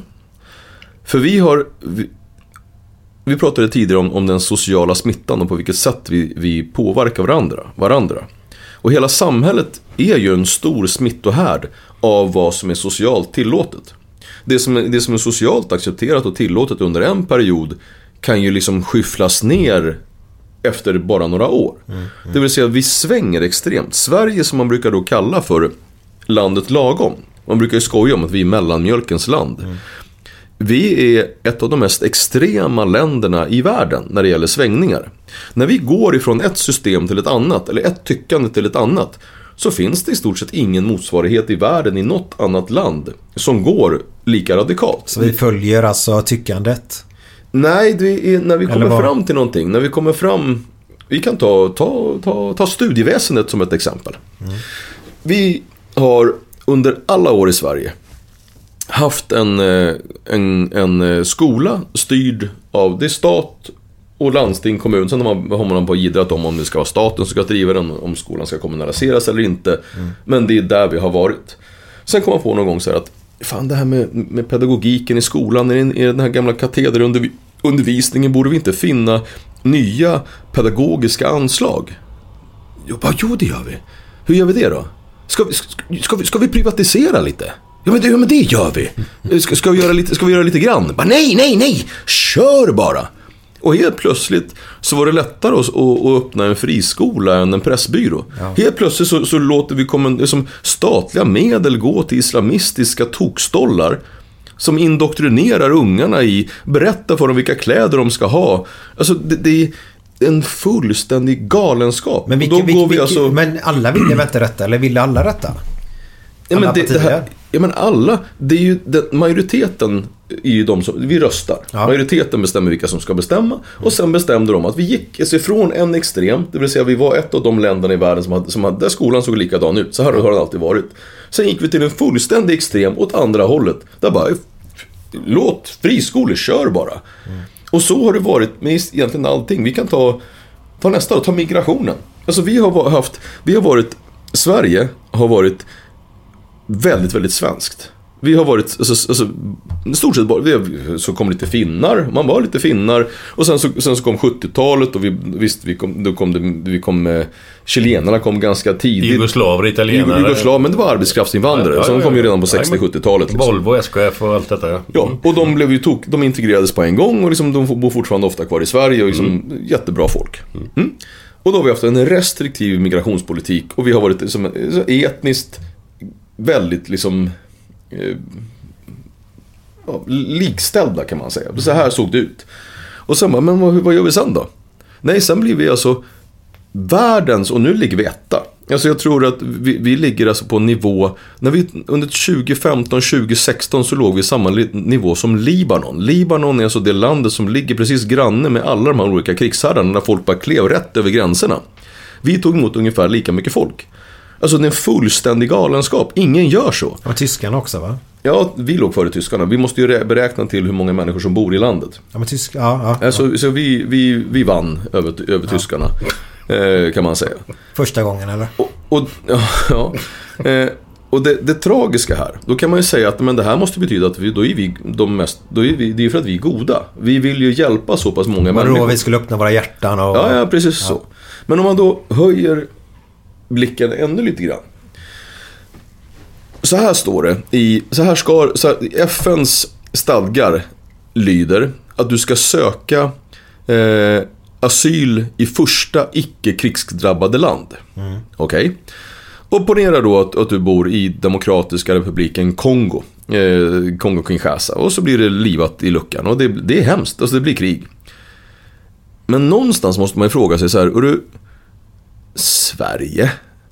Har inte du korsat något land på vägen? Tänker du? Och vi bara, nej men det tror inte vi. Utan han- det bara blev så. Och sen så kom människor från exakt hela världen till Sverige. Och då, men vi struntar i det här att första krigsdrabbade land eller första land som, som är fred, det, det glömmer vi. Problemet är ju att när man tar sig då över hela världen till Sverige så har du ju resurser. Det betyder ju att de personerna, de resurslösa, främst kvinnor och barn, kom inte iväg. Det vill säga, vi har haft, vilket jag är extremt stolt över, vi har haft någonting vi kallar för en skamgräns på 1% av BNP när det gäller, när det gäller liksom vår tredje världen-politik och biståndspolitik. Om vi hade ägnat åt oss att verkligen hjälpa människor på plats. Eh, för att rädda, om, vi, om vi hade fokuserat på att rädda liv istället för att, vad ska man säga, godhetsspegla oss själva och tillåta de här stollarna i Miljöpartiet hålla i migrationspolitiken. Att, och liksom för att egentligen bara visa för andra länder hur goda vi är. Så hade vi räddat extremt mycket liv. Vi pratade sen lite senare om att vi jobbar, vi, har en, en, eh, vi är den första landet som har en feministisk eh, utrikespolitik.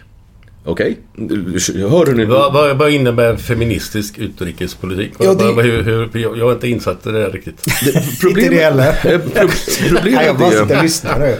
problemet är att jag tror inte att när man... Där tror jag, och det här är hemskt att säga, jag tror att man satte ihop två stycken vokabulär som man tyckte klingade väl. Feminism, det, det, det tyckte det var ju, det var ju verkligen på så här, feminism är bra. Eh, och, och då tänker man att ja, men det ska vara så här jämlikt, eller hur? Mm, absolut. Feminism är, det, det är liksom ändå, det måste en grundtanke i feminismen, att det ska vara jämlikt, liksom kvinn, kvinna, man. Och sen vad hände då?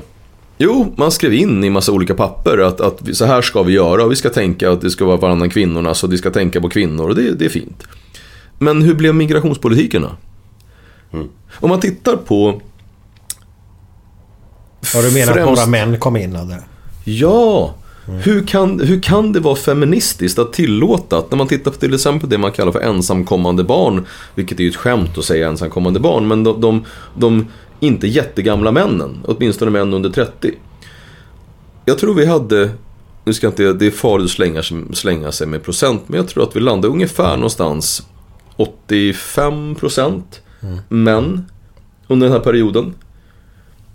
Kan ingen förklara för mig vad feminismen landar i det? På vilket sätt tjänar kvinnorna på det här?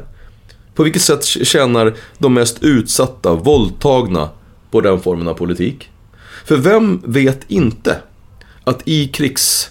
I, i, när det blir katastrof i ett land, vilka blir mest drabbade? Ja, kvinnor och barn. Kvinnor och barn. Och vilka kom inte till Sverige? Kvinnor och barn. Förklara det ur ett feministiskt perspektiv så skulle jag tycka, det, det skulle jag tycka var ganska skickligt om någon kunde göra. Men Det- det, det, finns ingen som har den tanken eller haft den tanken eller det. Nu alltså, kommer vi tillbaka till det här som, som vi pratade om. eh, För det, det här låter ju rätt så som du säger. Det låter ju...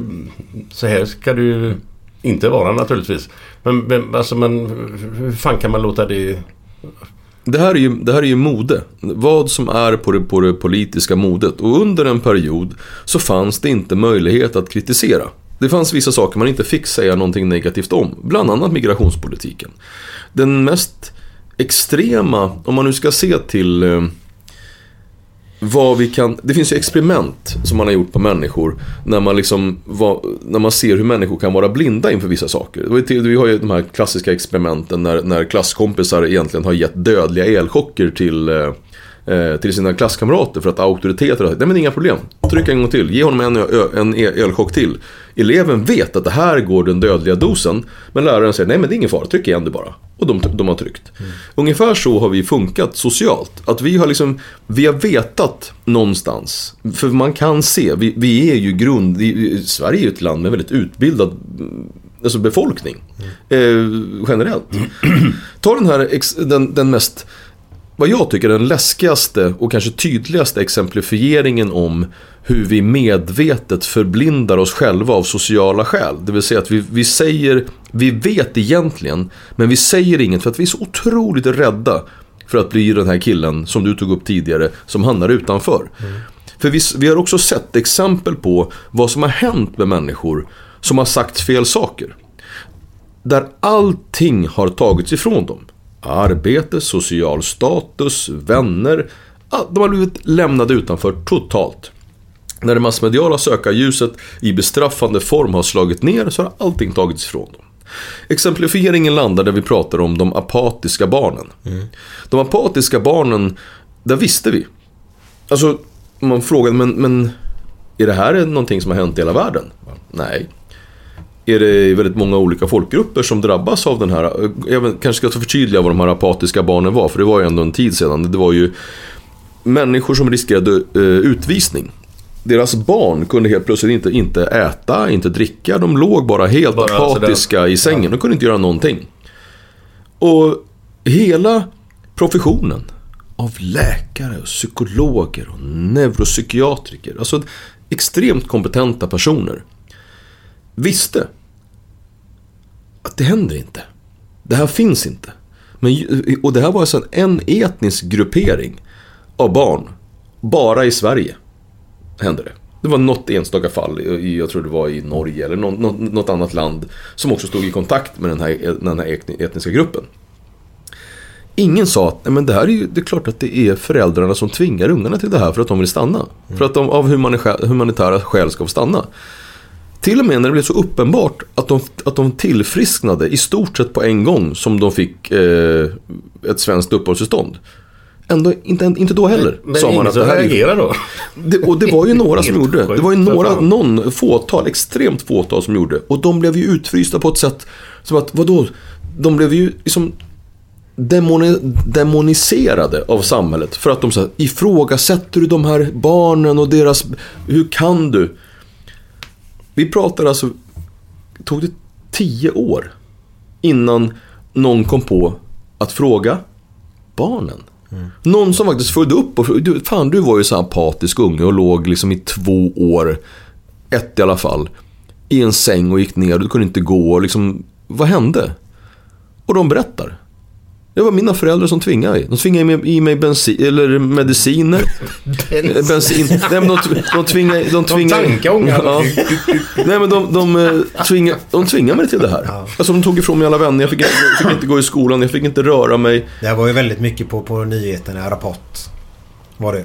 Jo men, men alltså, kan du tänka dig en vidare tortyr än att tvinga liksom, en människa i i sin mest aktiva ålder Sjukt. att bara ligga, bara ligga still. Och det enda man behövde göra det var att fråga ungen. Och sen helt plötsligt, då allting, ja men vi förstod mig och, och det här visste ju alla. Era hundar, ni tillät de här, ung, de här barnen att bli misshandlad. att bli misshandlad på de mest vidriga sätt. Trots att det egentligen någonstans var helt uppenbart att de här vidriga föräldrarna gjorde det här mot dem. Det här är ju liksom hur man kan se hur ett helt folk tvingas till att ljuga inför sig själv, ljuga inför sina grannar. För att det just då är på det politiska modet att det är så här man ska agera. Det får inte hända igen. Men det är ett exempel på för man, man, det är så lätt att hänvisa till gamla utrotningar av etniciteter eller hemskheter som har skett i historien. Och man säger att det här skulle vi aldrig kunna drabbas av själva. Men det här exemplet är mycket bredare och tyngre än vad, det, än vad vi egentligen förstår. Vi tillät, det här stod i alla tidningar. Och bara genom att liksom tänka ett led till. Så, så, för det var inte så att det inte muttrades ute i i stugorna. Det är klart att det, det måste ju vara föräldrarna. Det, det, känner ni igen det själva? Ja, ja, ja. Visst har ni själva ifrågasatt det? Jag följde det ganska, ganska tydligt. Och, och, men eftersom, det är ju alltid det här. När det finns på, på om du förstår mig rätt nu, på, Ja. på Rapport Aktuellt. Ja. För mig är det ju sanning. Är du med? Lite grann. Ja fast någonstans så tror jag du muttrade. Du, jag Ja, tror ja, att du sa till din fru så här, kan, alltså, det måste man inte, hur kommer det sig att de, att de blev Jo, friska men du menar, direkt du menar efter? alltså att när de säger det där så måste det vara sant? Ja, jag är upp, Ja. Ja, det är på det sättet. Jajamän, uppvuxen med, med med dig. Rapport Men då- men- men då- Ja. Ja, det, det, det, är ju no fake. Alltså fake news eller vad han säger. Ja. Eh, för mig är det ju riktiga nyheter. Förstår du vad jag menar? Sen, man ju sen, på det. sen tänker jag ju ett varv själv också naturligtvis. Så är det. Och jag Så har ju det här- följt det där och jag vet ju om exakt hur det funkade. Och det här, det här, det kommer ske igen. För den, den, när den politiska trenden pekar, pekar åt något håll och så blir det en backlash. Vi måste någonstans liksom... Definitionen av att, att vara modig, det är att gå mot strömmen eller göra någonting som på något sätt är farligt för dig själv. Annars är det inte modigt. Vi måste våga att bli modiga igen. Och det vill säga, en sån här klassisk Astrid Lindgren sanning gå tillbaka till Skorpan säger att om man vet vad som är fel och inte gör någonting åt det så är man en liten lort. Vi måste våga tappa fotfästet under den tiden som vi faktiskt säger ifrån. Men, det, är- men, men det är svårt alltså. Nu måste jag bara så här. Jag håller med dig till 100%. Men när du står i den som vi pratar om i den gruppen och alla går åt det hållet. Gå emot den då och säga att det är fel. Det är svårt. När var Ja. vi modiga senast då? Det Har vi varit det någon gång, Ja, det är många Det- individer. Alltså på, på individplanet så, har vi, så finns det extremt många människor. Men eh, oftast så har ju de varit modiga under fel perioder. Så att de har ju gått åt helvete. Det var ju inte så att det var en person som tappade sin karriär, till exempel under den perioden. Men hur många är det inte som, som, som har kritiserat den rådande ordningen och sen som har fullständigt försvunnit? Det, det räcker med, alltså ta tabubelagda ämnen som till exempel under, under, under metoo-epoken. När människor så här, tog livet av sig. När människor blev, blev av med sina arbeten, blev utkastade och sen, sen så, så här, tre år efter så här, nej men eh, han dömdes inte. Men vad, vadå, gjorde han inte? För han, det stod i alla tidningar att han var det största svinet som fanns. Alltså han, människor som har, jag, jag, jag skulle hellre ta en kniv i magen än att landa med de rubrikerna som vissa fick, som sen blev frikända. Men det, det, det, det, det som måste ske, och det här tror jag måste kopplas ihop med både politiken, tjänstemannautövandet, men också när det kommer till journalister. Det är att det någonstans så måste det finnas ett ansvar för vad man ställer till med. Man pratade tidigare om, om någonting man kallade för eh, tjänstemannaansvar. Tjänstemannaansvar innebar att om du som tjänsteman ställde till det på något sätt. Alltså du tog ett beslut som gjorde att det gick åt pipsvängen för andra människor. Eller att om du eh, tog ett beslut som, som gjorde att någon blev sjuk eller gjorde illa sig. Eller pengarna gick åt helvete eller vad det nu var. Så fick du, fick du någon form av konsekvens för det. Det har ju självklart plockats bort för det var ju jätteobehagligt. Ja, exakt. Men är det någonting som måste komma tillbaka så är det inte bara tjänstemannaansvaret utan också politikeransvaret, journalistansvaret. Det vill säga att om du som politiker har tagit beslut som har förstört stora delar av ett samhälle så kan det väl ändå inte vara så att den personen bara ska sitta kvar och säga jaha, ja, det där beslutet det gjorde ju så att eh, egentligen hela det, det som har varit våran, våran trygghet numera inte är våran trygghet. När det tidigare var ganska behagligt, brinner bilar. Det är mitt fel, men eh, vad spelar Ja, så, så kan det gå. Tjena, Men det tjena. är ju politiker bland annat då. Ja, men då måste det väl ändå få vara så att de som så uppenbart har varit med och tagit beslut som har missgynnat folket. De måste väl åtminstone avsättas. De ska väl inte ha en, de ska väl inte ens, den här livstidspensionen, som, ska de ha den? Ska inte de, det ska, jag skulle ju önska att det var mer som i Japan. Att ställ dig upp, gråt, be om ursäkt och försvinn. Om du, och, och, jag ska inte säga så att det hamnar i fängelse. Men, men, men du måste ju åtminstone få någon form, ta ditt ansvar för det du har ställt till med. Men, det- men det behöver de ju inte göra tyvärr. Nej, så, så, så behöver de verkligen samma inte, inte journalister göra. och du pratade om någon som tog självmord där med metoo. Och det var ju tyvärr det uppe i Stockholm där. En teaterchef va? Mm, teaterchefen, han, och jag, jag tror faktiskt att, att det var någon ytterligare som, ja hur som helst så var det ju män, människoliv som, som spillrades. Det är inte egentligen så, så bara för att du fortfarande lever så betyder det ju inte att du liksom lever. Det är människor vars karriärer som, som slog sönder på fasansfulla sätt. Mm. Men som sen visar sig vara oskyldiga. Det är ju fan inte klokt. Men du, nu har vi snackat mycket politik. Ja. Vi, vi har glömt att berätta, du har ju suttit i riksdagen också då. Bara en parentes i det hela då. Ja. Eh, Vem var den skönaste eh, politikern du hade där uppe i riksdagen? Du behöver inte säga någon sosse nu för du är ju sosse då. Nej men jag, jag, jag hade ju, jag satt, det här är ganska kul för, för att det, det är många människor som man upplever som, som torra och, och tråkiga. För att det är också lite av deras ansvar att vara ansvars, eller att, vad ska man säga, vara på ett speciellt sätt. Får vi gissa? Testa. Vi, vi tror att också han hade tofs och vi gillar honom. Borg. Ja. Borg var faktiskt en, en av de exemplen som jag skulle vilja ta upp. Eh, inte för att, han var, inte för att vi liksom gick och skrattade sida vid sida hela dagarna. Men däremot att jag vann... Under fem år så vann jag eh, eh, årets företagare. Eh, årets superföretagare. Jag vann också årets eh, gasell under fem år. Vad innebär det? Året Det betyder att du, att du driver ett företag som, som utvecklas på ett specifikt Ja, sätt yes, under, yes. under lång tid. Så är det vissa parametrar som du måste leva upp till för att få det här priset. Eh, jag, det var under de här åren som jag satt i riksdagen så fick jag några utmärkelser. Den enda av alla i hela riksdagen, det här stod ju i tidningar, det var inte så att ingen hade sagt så här, oj, det, det, gjorde du det också? Var Anders Borg. Han kom fram och tog i hand och så, fan, grymt jobbat, liksom. imponerande att du, både riksdag och företag, häftigt liksom. Alla andra tyckte jag tyckte att det var bara hur, hur ja, sosse och så tjäna pengar gör han också parallellt här. Fy atsiken liksom. Det var man inte lov att göra. Nej, det var jättedåligt. Var, var det som att svära i kyrkan ungefär då eller? Ja, jag tror att det, det var lite som att svara i kyrkan. Men det var Anders Borg. Sen så satt jag bredvid, eh, jag satt i kammaren, satt jag bredvid, bredvid eh, Lars Leijonborg. Som var, då var partiledare för Folkpartiet. Fantastiskt sympatisk människa. Alltså vi hade, alltså det, vi lättade verkligen upp eh, varandras stämning.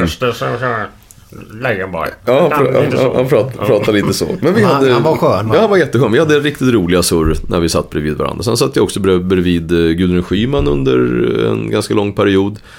Det var också kul. Alltså också, vi bollade mycket, mycket skämt. Och sen så hängde jag ju väldigt mycket med Per Nuder under en, under en period. Som är också en, en briljant person. Eh, Det var en... eh, Hade han bara fått blivit partiledare så tror jag mycket, mycket hade räddats eh, hos eh, socialdemokratin. Men hade, Men du, han, hade hade- han gått igenom så till folket tror du Per?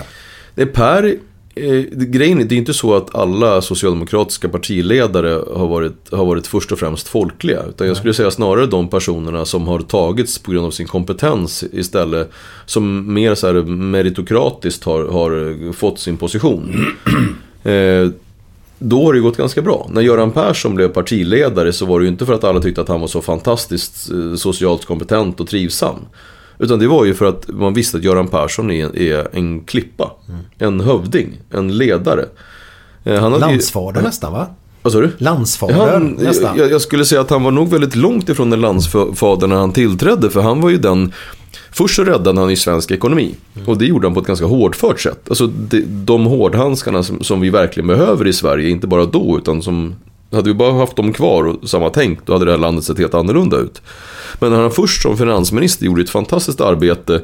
Och, man ändå, och det var ju också man, eh, man ville ju ha egentligen en annan ledarstil än vad, än vad han företrädde. Men när han väl hade fått vara partiledare under en period, sen gjorde han några så här eh, jag, jag vet inte om ni kommer ihåg när han dansade med, med, Ja, kossan. kos-. Doris på, på barnprogram. Doris och, heter den. och där kom det ju, där kom det ju en vändning. Ja, där han exakt. liksom visade den sidan av sig själv. Så där klev han in. Där, det tog ju kanske tre år eller något så blev han ju också liksom mer accepterad som en landsfader. Hade, hade det inte bara, ursäkta jag kommer tänka på han nu med, när han står framför en dam med ganska stora glasögon. Kommer du ihåg det? Mm, Ja, ja.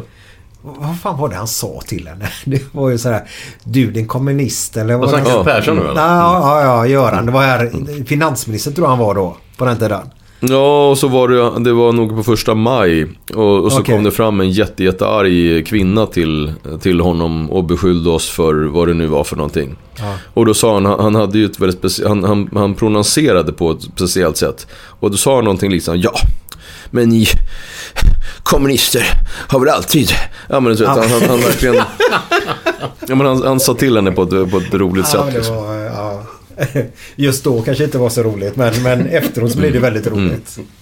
Du ska jävla inte slå på dem som redan ligger. Det gjorde den gamla högerregeringen och den gjorde du inget av för att avsätta. Du, högerregeringen, det har vi väl nu ni, också. Ni kommunister har faktiskt... Kommunist? Jag är jävla inte kommunist. Jag, jag, den fick jag där borta. Jag ska tala om för dig att jag var... Jag ska tala om för dig en sak. Att jag har varit socialdemokrat så jag kröp i vaggan. Men nu är det slut. Det. Men hade du, hur nära kontakt hade du med Göran? Jag och Göran eh, hamnar hamnade väl inte liksom, vi hamnade på kant lite grann till en, till en början. För jag, när jag drev min eh, personvalskampanj till riksdagen så blev, fick, blev, fick jag den finansierad av eh, näringslivet på många olika sätt. Främst genom eh, olika restauratörer, alltså restaurangägare. Så jag fick tillgång till Sturecompagniet, eh, helt som jag då hade min, min personvalsfest på. Och, och fick då sponsring på alkohol och eh, kändiseliten kom dit och, och, och så. Och det var, inte, det var väl inte liksom den, så som man traditionellt ser en, social, en, en socialdemokrat agera. Nej. Var Dinkelspiel där? Ja, Dinkelspiel vet jag inte. Jo, men det var han säkert. Måste han det, kommer, det kommer jag inte ihåg. Jag vet att den, den enda ministern som, som faktiskt kom var Leif Pagrotsky. En, han är ju en sann hedersman och en extremt kompetent person. Göteborgare va? Jajamän.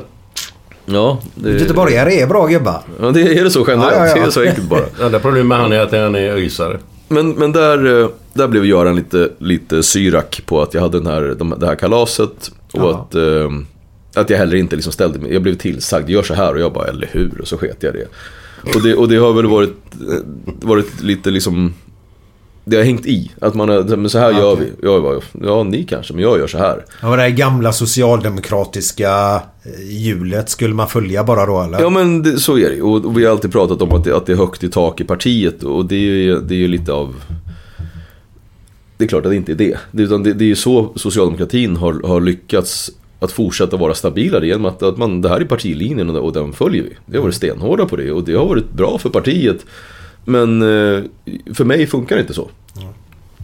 Men sen blev vi kompisar senare och för mig har Göran Persson alltid Det sa jag förstås inte till honom då, men han har alltid varit ett föredöme, en människa som jag verkligen har sett upp till i, på väldigt många sätt politiskt och också som ledare. Jag skulle säga att det är en av de bästa partiledarna vi haft och efter honom så eh, ska man kunna säga att när, när gick det fel för Sverige? Så skulle jag säga att när Göran sa hej då. Sen kan man se en ganska tydlig, eh, om en hackig kurva. Vem, vem var det som, jag var inte sådär jävla insatt. Vem var det som tog över efter honom? Ja, vi förlorade ju makten till, eh, till Moderaterna. Eh, Nu ska vi se här. Var det, vem fan, var, det, var det Reinfeldt redan där? Men vem som tog över direkt efter... Vi försökte... Var, fan kom Mona Salin direkt efter, efter Göran Persson? För Anna Lind hade blivit mördad. Anna Lind var ju den som vi hade planerat, eller vi säger jag, den som, den som hade varit den naturliga efter Göran Persson och som Göran Persson också själv har berättat att han hade planerat för, för Anna Lind. Så då var det nog Mona Salin som blev partiledare. Och sen 11 september hon dog va? Tyvärr. Ja, det Fast har du nog 03 rätt i. var det? Ja, det har du nog rätt i. Och sen hade vi Reinfeldt som, som ledde under en lång period. Och den, det är en av de... Ja, de- Den perioden för Sverige eh, var ju i mångt och mycket bra. För vi hade en fantastiskt bra eh, finansminister. Satt Reinfeldt från, från 06 till... Alltså jag, jag törs inte säga 14 år, då? för då kommer, jag, ju- då kommer jag ju säga fel. Jag säger 06 14. Fan har du koll på sånt? Ja men han har ju suttit nu i sex år ju, gubben. Svetsan. Och sen... Eh, ja, men det, det, som, det som inleddes under den perioden så var det ju ett... ett eh, där man frångick den klassiska restriktiva socialdemokratiska migrationspolitiken. Det var ju en av de sakerna som, som verkligen gick åt pipsvängen under Reinfeldt. Och där skulle man ju då, hade det här varit ett friskt land, då hade ju det här återgått till, till någon form av europeisk normalitet efter Reinfeldt. För att han hade ju ändå som inpiskat lite grann i sin, i sin ideologi. Det här har ju varit en, någon form av, det är inte så att det bara hände, utan vi har ju haft som en politisk målsättning det mångkulturella samhället utan att ens kunna veta vad det mångkulturella samhället egentligen var. Men vi fortsatte ju. När Socialdemokraterna tog över så tog vi också över Miljöpartiet. Miljöpartiet har ju varit, varit den drivande extremistparten inom politiken som, som mer eller mindre har liksom proklamerat fria gränser. Och de, man har ju varit så pass, jag höll på att säga kåt på makten, men jag tror, nästan, jag tror att det är ett tydligt uttryck, och även om det kanske låter lite illa. Så att först gjorde borgarna det och sen så gjorde Socialdemokraterna det, inte en gång, utan många gånger. Och sen så sa man också att nästa gång då ska vi göra rätt och, och nu ska vi inte göra samma sak. Och man, man gav uttryck för att nu ska vi skärpa till oss, särskilt då inom migrationspolitiken. Och sen så sålde man sig för att man var, återigen, det här ordet, på makten. För att man ville få med sig Miljöpartiet. Du menar senaste valet nu då? Eller? Ja, precis. Ja. Eh, Så, så egentligen... Men vad, nu ska vi släppa politik. Vi måste tyvärr avsluta. Ja, ska iväg och men vi ska köra en, måste jag säga. Eller är jag Nej, du är det? helt rätt. Jag vill gärna köra en podd till med dig. För vi har inte gått igenom hälften. Nej, jag säger till så att, bara. Jag, Så att, men då kan vi komma upp till dig. Ja, ni är Istället jätte- för att jättevälkomna. Du kommer komma hit. Ja, för, för grejen är, vi har, vi har inte snackat båtar, vi har inte snackat hälften miljoner. nu. Vi har inte snackat träning. Nej. Sirius har vi snackat Nej. tillräckligt om, eller? Sirius? Nej. Ja. Jag kan säga en gubbe. Leif Eriksson. Vet du om det är i Sirius? Nej, inte nu, men han var på 60-70-talet. Fotbollsspelare. Jag, den enda jag kan na- namedroppa, han heter Thomas Rosander och han, jag tror att han var, var um, det hette Libro. Ja, längst bak. Jag på ja, backlinjen. e- exakt, han, han var Men, bra. men det finns ju en till som är ganska känd i Sirius nu Ja. Bush, Bush-gubben. Exakt. Ja, ja, ja. Ebbas Ebbas man. ex. Eller är de skilda? Skojar du eller? De är ju sketskilda. Markoolio är där och hoppar på nu. Nej. Nej, jag skojar. ryktet gick ju. Ja, ryktet gick ju. Ja, det- Han var tvungen att gå ut och dementera det. Har du inte hört det? Inte en aning. Han läser bara GT. Göteborgstidningen, vet du. Ja. Jag, jag, jag, ska, jag ska troligtvis, eh, nu ska man inte, vi- nästa podd då, har jag, då ska jag släppa en... Vi eh, behöver en podd till. Ja, säga. då ska jag släppa- vad släppa har Vad, vad är det du ska släppa? Bara en liten teaser. Nej, Det kan hända eh, att det blir någon, att det kommer bli någon form av samarbete med en, en tidning som huserar här i Göteborg. Åh, härligt. Vi vill se. härligt. Ja, fan vad gött. kul. Fan vad gött. Men du, innan vi avslutar här nu. Jag, jag har fem snabba frågor. Sen så vill Mm. jag bara säga, jag har hört Dusch, båt, värstingresan. En rolig händelse. Ja, vad, vad snappar du upp den då? Ja, det spelar väl ingen roll. Nej.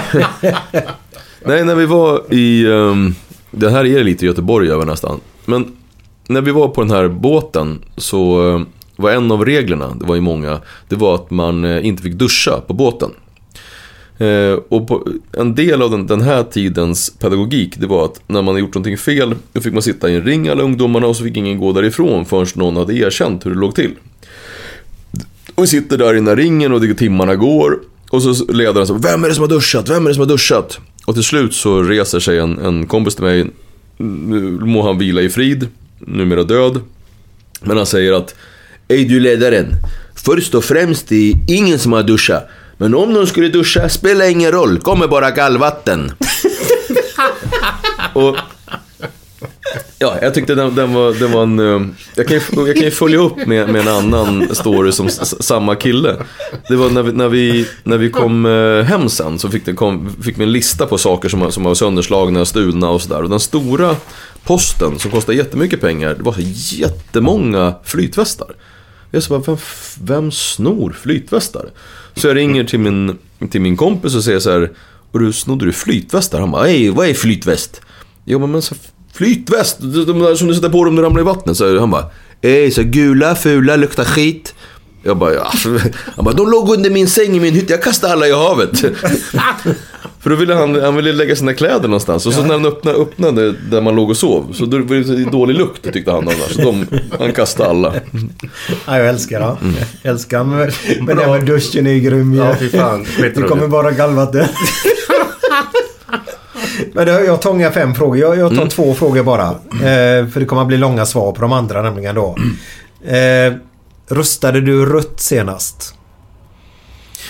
Du, ni känner till att vi har någon, en, en, eh, Ni, en, inte jag, en lagmässig rätt att inte uppge på vad du röstar? Absolut, men Bra. det är en podd.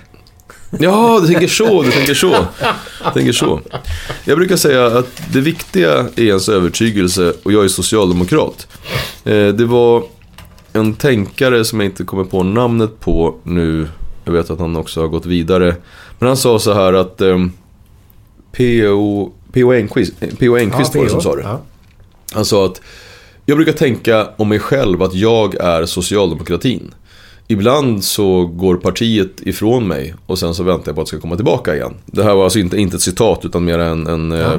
par, parafras, ja, ungefär så sa han. Fint sagt.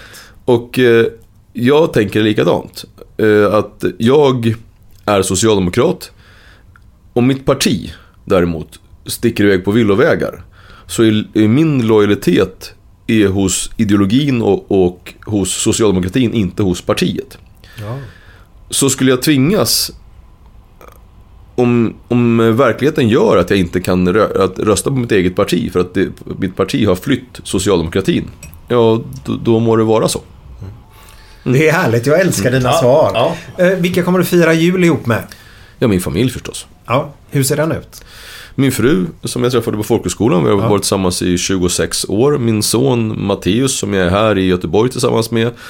Som också ska, han, han har ett eget klädmärke så han ska träffa de som hjälper honom producera kläderna här i Han öppnar en Göteborg. affär i Stockholm väl? Ja, han hade en sån här pop-up store som man har under en begränsad period. Han Ja. säljer han mest på nätet. Och ni som lyssnar så har han sitt, eh, en, sin, en, sin release, ett släpp på fredag. Så måste man gå in och köa på oneofone.se för att kunna ha en chans att kunna köpa den nya kollektionen kläder. Och sen så har vi eh, Maja, min eh, dotter som är 15 år. Och eh, hon är, mera, hon, är lite, hon är politiskt engagerad, fast inte alls partitekniskt utan eh, jobbar mycket för djurens eh, rättigheter och ett, ett, Ja. ett extremt rättvisepatos. Jo, Hur är sonen då? Är han politiskt intresserad? Sonen inte, alltså han är så långt ifrån politiskt engagerad man kan, man kan vara. Men han, han, är, han är ju extremt på sitt företag och han, är, han, är, han, han gör ju kläder. Han är ju designer och eh, är väldigt på den grejen. Och det är ju en, det är med stor stolthet jag kan se på bägge mina barn. Och det är kul också när, när bägge har, har också blivit ganska entreprenöriella. Och Matteus han har ju faktiskt ett aktiebolag numera. Han är bara 17 år och driver ett företag med god omsättning. Det, det är ju ganska intressant för, för vi, vi ska avsluta här nu men just att han tar ju efter dig ganska mycket och hon tar efter dig. För du, jag vet, du, du jobbar mycket med, med djurens rättigheter. Mm. Att de ska slippa lida och detta. Och det ska vi ta i nästa avsnitt då Glenn. Ja, det finns hur mycket som helst att fortsätta Jag, för jag har en dotter hemma som är 13 år som är flexitarian. Vet du vad det är? Ja, ja det, det, det, Flexitarian. det är att man, Ja. att, man, att man försöker käka vegetariskt när det går. Men man, Hon käkar bara kyckling och resten Men det är typ att man är flexibel på något sätt då. att Man kan ta det ena eller det andra. Eller... Ja, men försöker och eh, Okej. om, om, om förvandla. Och jag tror att vi är på väg dit för halloumi börjar idag. Jävlar vad gott det är. Mm. Tycker jag. Ja, och det är bra för att ingen dog. Nej. Och inget lidande. Nej. Men du, Nej, ja. häng kvar för vi ska spela en låt som handlar om dig, säger vi. Och sen kommer Glenn med sina härliga, härliga vitsar. Eh, eh, Ska, ska ni lira, vad heter det? um, eh, vi har ju en låt som handlar om mig. Har ni hittat den? Ja, men det skulle vi ta också nästa gång. Det vet jag exakt vad det är. Okej, ja, men det, det, det, var jag inte vet den du exakt skulle vad lira det är. va? Ja, men då vi- tar vi det. inte- Nej, men... Jo. Jo, men det är ju Ulf Lundell har ju skrivit en låt om dig som Ja. heter 79%. Ja. Ja, men fortsätt nu då. Fortsätt, ta. Ja, ja berätta. visst, men det, det läste jag någonstans. Ja. Hur fan gick det till? Nej men det här är ju en, en, en lång, alltså hur man nu ska Ja, ja, dra du det behöver här. inte dra hela grejen. Men, Men väldigt, ja. väldigt kort. Eh, Ulf Lundell blev besviken på mig för att han tyckte jag tjänade för mycket eh, pengar. Pengar, ja. Och då gjorde han, han blev jätteirriterad. Så skrev han en låt eh, om mig. Extremt tydligt. Och sen så, så hade vi en så här, vi tjafsade med varandra i tidningen. Och det slutade med att han blev så sur så att han på slutet sa till och med i en annan intervju sen med Expressen att Nej det, det, var, inte om, det var inte om han. Och man bara, nej det var en annan socialdemokrat som satt i riksdagen som, som jobbade med eh, ensamkommande flyktingbarn och som sålde sitt företag för en kvarts miljard. Ja, det är en annan som, och långhårig också va? nej men så det blev ju liksom lite, lite, lite och, och som var med i Robinson för övrigt. Nej men så, så, så det var ju så uppenbart, men, men att han blev så pass sur så, han inte, så att han till slut till och med sa nej men ville ta, ja, nej men vi var väldigt Men, men du, var, varför, varför heter den 79%? Eh, han, han, ja, han relaterar till, eh, det var en debatt för han, att, att, det måste han förstå att ingen begriper. Men, men var, man gjorde lönelyft för några dir- direktörer på 79% samtidigt som facket som vanligt inte lyckades få fram mer än kanske 1,52% eh, till sina arbetare. Och då sjunger han om att när fick du ett lönelyft sen på 79% Okej, okej. och relaterar då till saker som ingen jävla begriper men det är lite, det är lite Ulf. Det tycker jag är coolt i och för sig. Jaha, så de 79% har egentligen ingenting med att göra med dig Nej, det, det, det var, han, han ville ju bara klaff, klafsa ihop mig med liksom en extrem borgerlighet. Första, första eh, minuterna handlar bara om mig. Då sjunger han bara om, om eh, du gör dig en... Eh, eh, du gör dig känd via televisionen och, och sen så, så, så, så jag var med i en intervju eh, samtidigt som de här direktörerna fick de här 79% lönelyft och så frågar de mig eh, om den här, eh, det de kallade vinsten, som klart inte var en vinst. Men jag sålde ett företag för ganska mycket pengar. Och då fick jag frågan så här, ja men eh, nu är du fortfarande socialdemokrat och jag tjänar massa pengar. Och då, då sa jag att ja, det här är ju det här är min klassresa. Och det, det, det, det, och det har ju extremt många människor raljerat kring sen. Att ja, var det din klass, vilken jävla klassresa. Och då sjunger han om, om att jag sa, att jag svarade i den intervjun och att det här är min klassresa. Så man måste vara ganska anal liksom, för, och, och nördig i mig för att liksom, kunna relatera och förstå. Liksom. Men nu vet vi att det handlar om dig då helt enkelt. Ja men det, Ja, men det, det är det, är ingen som, som inte vet, Nej, höll jag på att säga. Det, nej. ja. Men om han Lundell skulle tjäna flera miljoner på sina låtar och det då, då är det helt okej alltså? Alltså, all, världen behöver ju inte vara logisk utan den är också känslomässig. Och i det här fallet så lyckades jag trampa på... Jag har ju en förmåga att, att liksom nå hatarnas mest erogena zoner. Och, och, och, och Ulfs erogena zon, den låg precis där jag var då. Så då fick jag smaka på det här. Och jag, jag, måste säga, jag tog det som en komplimang. Alltså, det är cool. jag, jag, jag tycker ju Ulf är cool. Liksom. Han är exakt. öppna landskap. Han är lite av en, land, han är en han, landskald. herrejävlar. Ja. Ja. Men eh, efter den här härliga låten om dig då Mm. så kommer Glenn tillbaka med sina härliga, härliga vitsar. ja. procent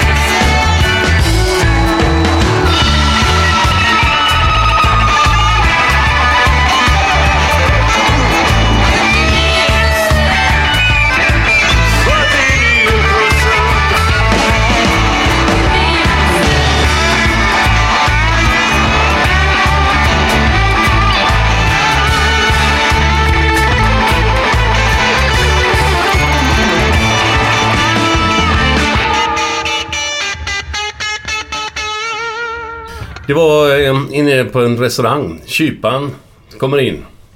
Med ett par tallrikar. Så alltså. Två kyckling och en lever. Och så var det en gubbe som sitter lite längre bort. Ha, jag tar den döda. Var inte det roligt? Ja, ja, ja. ja. Mm. Du skrattar ju väldigt mycket. Jag vill, jag, jag vill till, också till publiken förklara att han läser inte innantill eller så. Utan de här helt absurda vitsarna, de kan han bara. De bara De dyker här, upp. de här då? Det- De, den här då? Det var en eh, katolsk dam som var tvungen att amputera benet. Vad hände då? Hon blev protestant. Det var ju lite roligt. Så är det. Ja, ja, Ha det ja. gött. Ja, så var det. Tjena, tjena. Tjena, tjena. Du är ju lite kristen. Vad, vilket är du pro, pro, protestant? Jag är troende och jag tror, jag tror på Gud och det är den, den klassiska kristna guden. Sen om du vill, om du, vilken inriktning inom det kristna är för mig ganska oväsentligt. Utan jag, jag, jag är tacksam över att ha en trygghet i min tro. Och att jag kan liksom vända mig till Gud när det är rörigt. Härligt. Kommer vi upp till sommaren och åker båt Glenn? Absolut. Välkomna. Fy fan vad Härligt. gött det ska bli. Hey, it's Danny Pellegrino from Everything Iconic. Ready to upgrade your style game without blowing your budget? Check out Quince. They've got all the good stuff shirts and polos, activewear, and fine leather goods, all at 50 to 80% less than other high end brands. And the best part? They're all about safe, ethical, and responsible manufacturing. Get that luxury vibe without the luxury price tag. Hit up quince.com slash upgrade for free shipping and 365 day returns on your next order. That's quince.com slash upgrade. Ever catch yourself eating the same flavorless dinner three days in a row? Dreaming of something better? Well, hello fresh is your guilt-free dream come true, baby. It's me, Kiki Palmer. Let's wake up those taste buds with hot, juicy pecan-crusted chicken or garlic butter shrimp scampi. Mm. Hello Fresh. Stop dreaming of all the delicious possibilities and dig in at HelloFresh.com. Let's get this dinner party started. Even when we're on a budget, we still deserve nice things. Quince is a place to scoop up stunning high-end goods for 50 to 80% less than similar brands.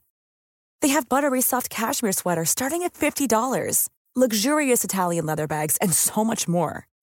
Plus, Quince only works with factories that use safe, ethical, and responsible manufacturing. Get the high-end goods you'll love without the high price tag with Quince. Go to quince.com slash style for free shipping and 365-day returns.